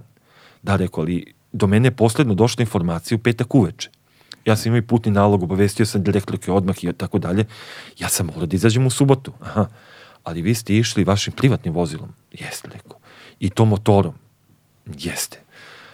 Pa kaže, nama je to čudno. Pa rekao, zašto je me čudno? Pa kaže, zašto niste išli službenim? I onda ja skontam u kojem svetu oni žive, a u kojem svetu ja živim. Rekao, dobro, koliko vi imate u gradskom MUP-u službenih vozila? Kaže, otkud ja znam? Ja znam koliko imam u Narodnom muzeju. Jedno. I nisam ga vidio tri godine. Ne. Žena mi je pre podne vozila decu i nisam mogu da idem kolima, ja moram da sedem na motor i da dođem da vidim je. Da, da, da. Znaš, To su ta objašnjavanja. Jednostavno, da. ar- arheologija ti nije posao, ja bi ponekad poželim da radim posao gde ću raditi 8 ili 10 sati dnevno, ali ako to zatvorim, da zaboravim na posao koji radim. U arheologiji, bez obzira da li si maksimalno aktivan ili si samo aktivan, posao ti se nikad ne zatvara. Muka ti postane i od tvoje sobstvene sobe u kući, pošto i u njoj radiš. Da, Znaš, da. bilo šta. Jasno, jasno. Tako smo mi morali da premestimo ovu dnevnu sobu u studio. Pa znaš muku, ono, Zato što smo počeli da ludimo od života u studiju. muka mi je da sednem za sto, da. da To- nešto drugo uradim, jer stalno za njim radim. Znači, ne mogu da spavam više u toj sobi. Da, jeste, to smo mi imali, u početku mi je to bila super prednost, ono, posledno što kad smo mi počeli da radimo, mi smo zapravo bili preteča uh, ovaj, rada od kuće, pošto smo počeli da radimo dva, tri meseca pre nego što se COVID desio. I, ovaj, i ja sam, sećam, se- sećam se da sam govorio svojoj ženi, rekao, Rekao, vidi kakva lepota, znaš, ona je tada radila u nekoj agenciji, znači ona mora da ustane, da obuče, da, da ode, znaš, na posao, a ja ustanem iz kreveta i pređem samo u sobu preko puta. sve, u, sve u gaćama, znaš. Ali, Sad prebrojam, znaš ako mi u kući imamo kreveta sa konstrukcijom krevetnom, imamo jedan, dva, tri. Ja se snalazim i tako dalje i pet radnih stolova. Da, tako mi je da. kod kuće. da, da, da. E, a ovaj, a, a onda sam posle nekoliko meseci počeo da gubim zdrav razum od toga. Mhm. I bilo mi je neophodno, bilo mi je strašno važno. Što organsku muku. Muka mi, muka mi, znaš, i potom razni ljudi ti dolaze, znaš, i te ljude neke poznaješ, neke ne poznaješ, znaš, i ljudi nose svoje energije sa sobom, ono, i svašta nešto, i taj stan prestaje da bude taj stan, Mhm. tvoj životni prostor prestaje da bude tvoj životni prostor sa energijom tvog životnog prostora, počinje da postaje neški Frankenstein, nešto drugo, postaje ti muka, ono, od posmatranja, jer i, i sećanja, i emocije, i sve što doživiš kroz posao, sada se vezuju za tvoj životni prostor, znaš. I onda nam je bilo neophodno da ga odvojimo, brate, ono, brate, moram da idem negde na posao i da sve što se poslovno dešava, dešava se tamo Znam. gde idem na posao. Meni je prestao motor da bude razunut. Jer E. me vozi od lokaliteta do lokaliteta, od gostovanja do gostovanja, od posla do posla. I onda skonta da poslednjih 5-6 godina nisam seo na motor da odem zato što se meni negde ide. Da, da, da, Nego zato što moram. Da, da, da, da, da, to jeste, to je stvarno katastrofa. Znaš, ali onda opet moraš da sačuvaš, ali kako sačuvaš, ipak toliko si godina u arheologiji, siguran sam, znaš, ja opet sad pričam kako mi je sve, ne znam šta, se popilo na glavu, ali ja ovo ipak volim da radim. Znaš, na kraju dana i sa svim svojim problemima i sa svim svojim ono, mukama, a ima ih, ovaj, znaš, kada se ono, kada sednemo ovako preko puta, kad stavimo slušalice, isključimo sve ostalo, uključimo kamere i mikrofone, ja volim ovo da radim, znaš, i ipak negde ta ljubav ispod svega ostaje. Bez toga ne možeš život. Pa da, znaš, Inače bi se okrenuo i rekao, ok, 10.000 veća plata, idem da bi zaključio kancelariju u 3 ili 5 mm, i da razmišljam o tome. Evo. Da, tako da ćeš ipak Da. na kraju vidim da postaneš i pravnik. Navučeš se. da.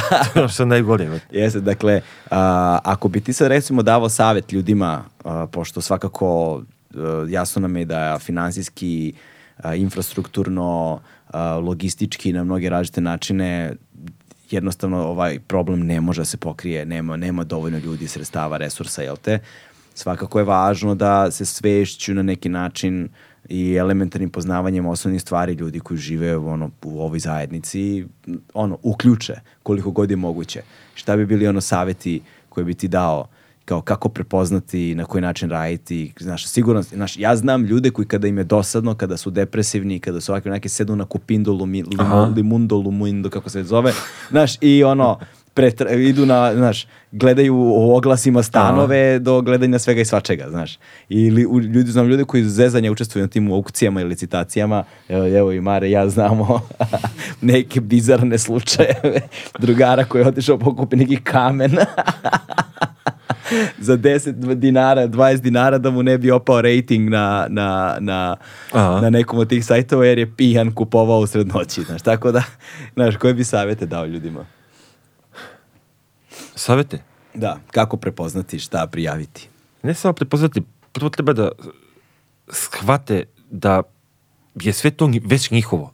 Znaš, svo to kulturno nasleđe, pogotovo arheološko, i po zakonu, i po dobrobiti koju možete donese u budućnosti, je svih nas.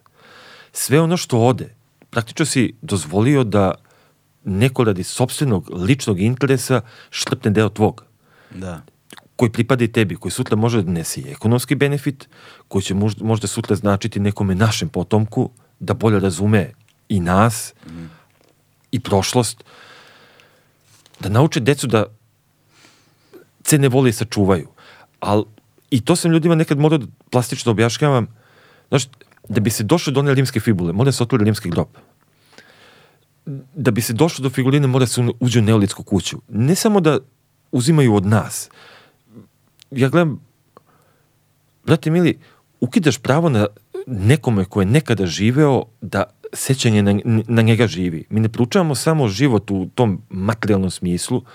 Ja se nekad osjećam, zapravo kako se zove drugi deo knjige, pošto naučnu fantastiku jako voleo, Orson Scott Card, pa Enderova igra knjiga, onda ide drugi deo, Govornik za mrtve se zove, gde je jedan od troje dece je porastao i onda ide od planete do planete kad ga pozovu da govori o životu nekoga ko je umro. Mi se u stvari u arheologiji i time bavimo. Mi govorimo o životima nekih ljudi, mi oživljavamo sećanje na neke ljude. A onda kada čoveku predočiš da bi i kuća njegovog dede mogla da bude slušena, a možda i roditelja da mu prekopamo i polomimo nadrobnik, onda to potpuno drugačije gledaju.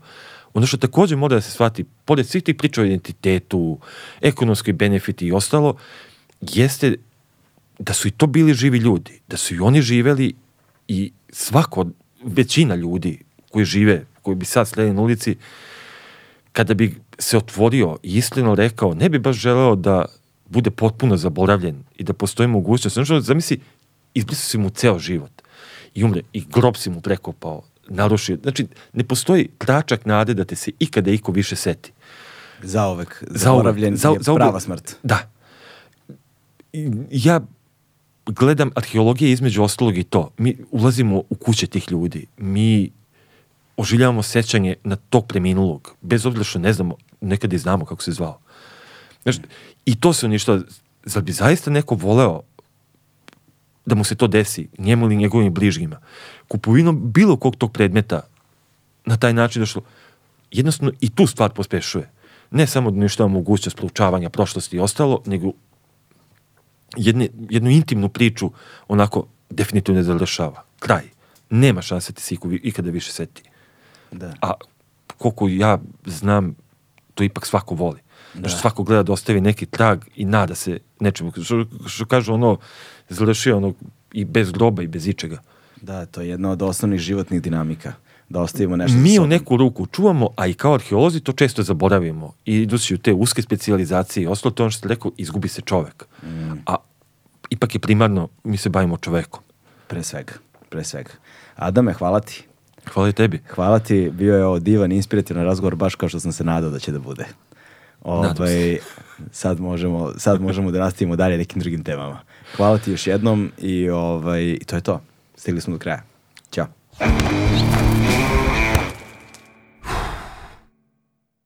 Hmm.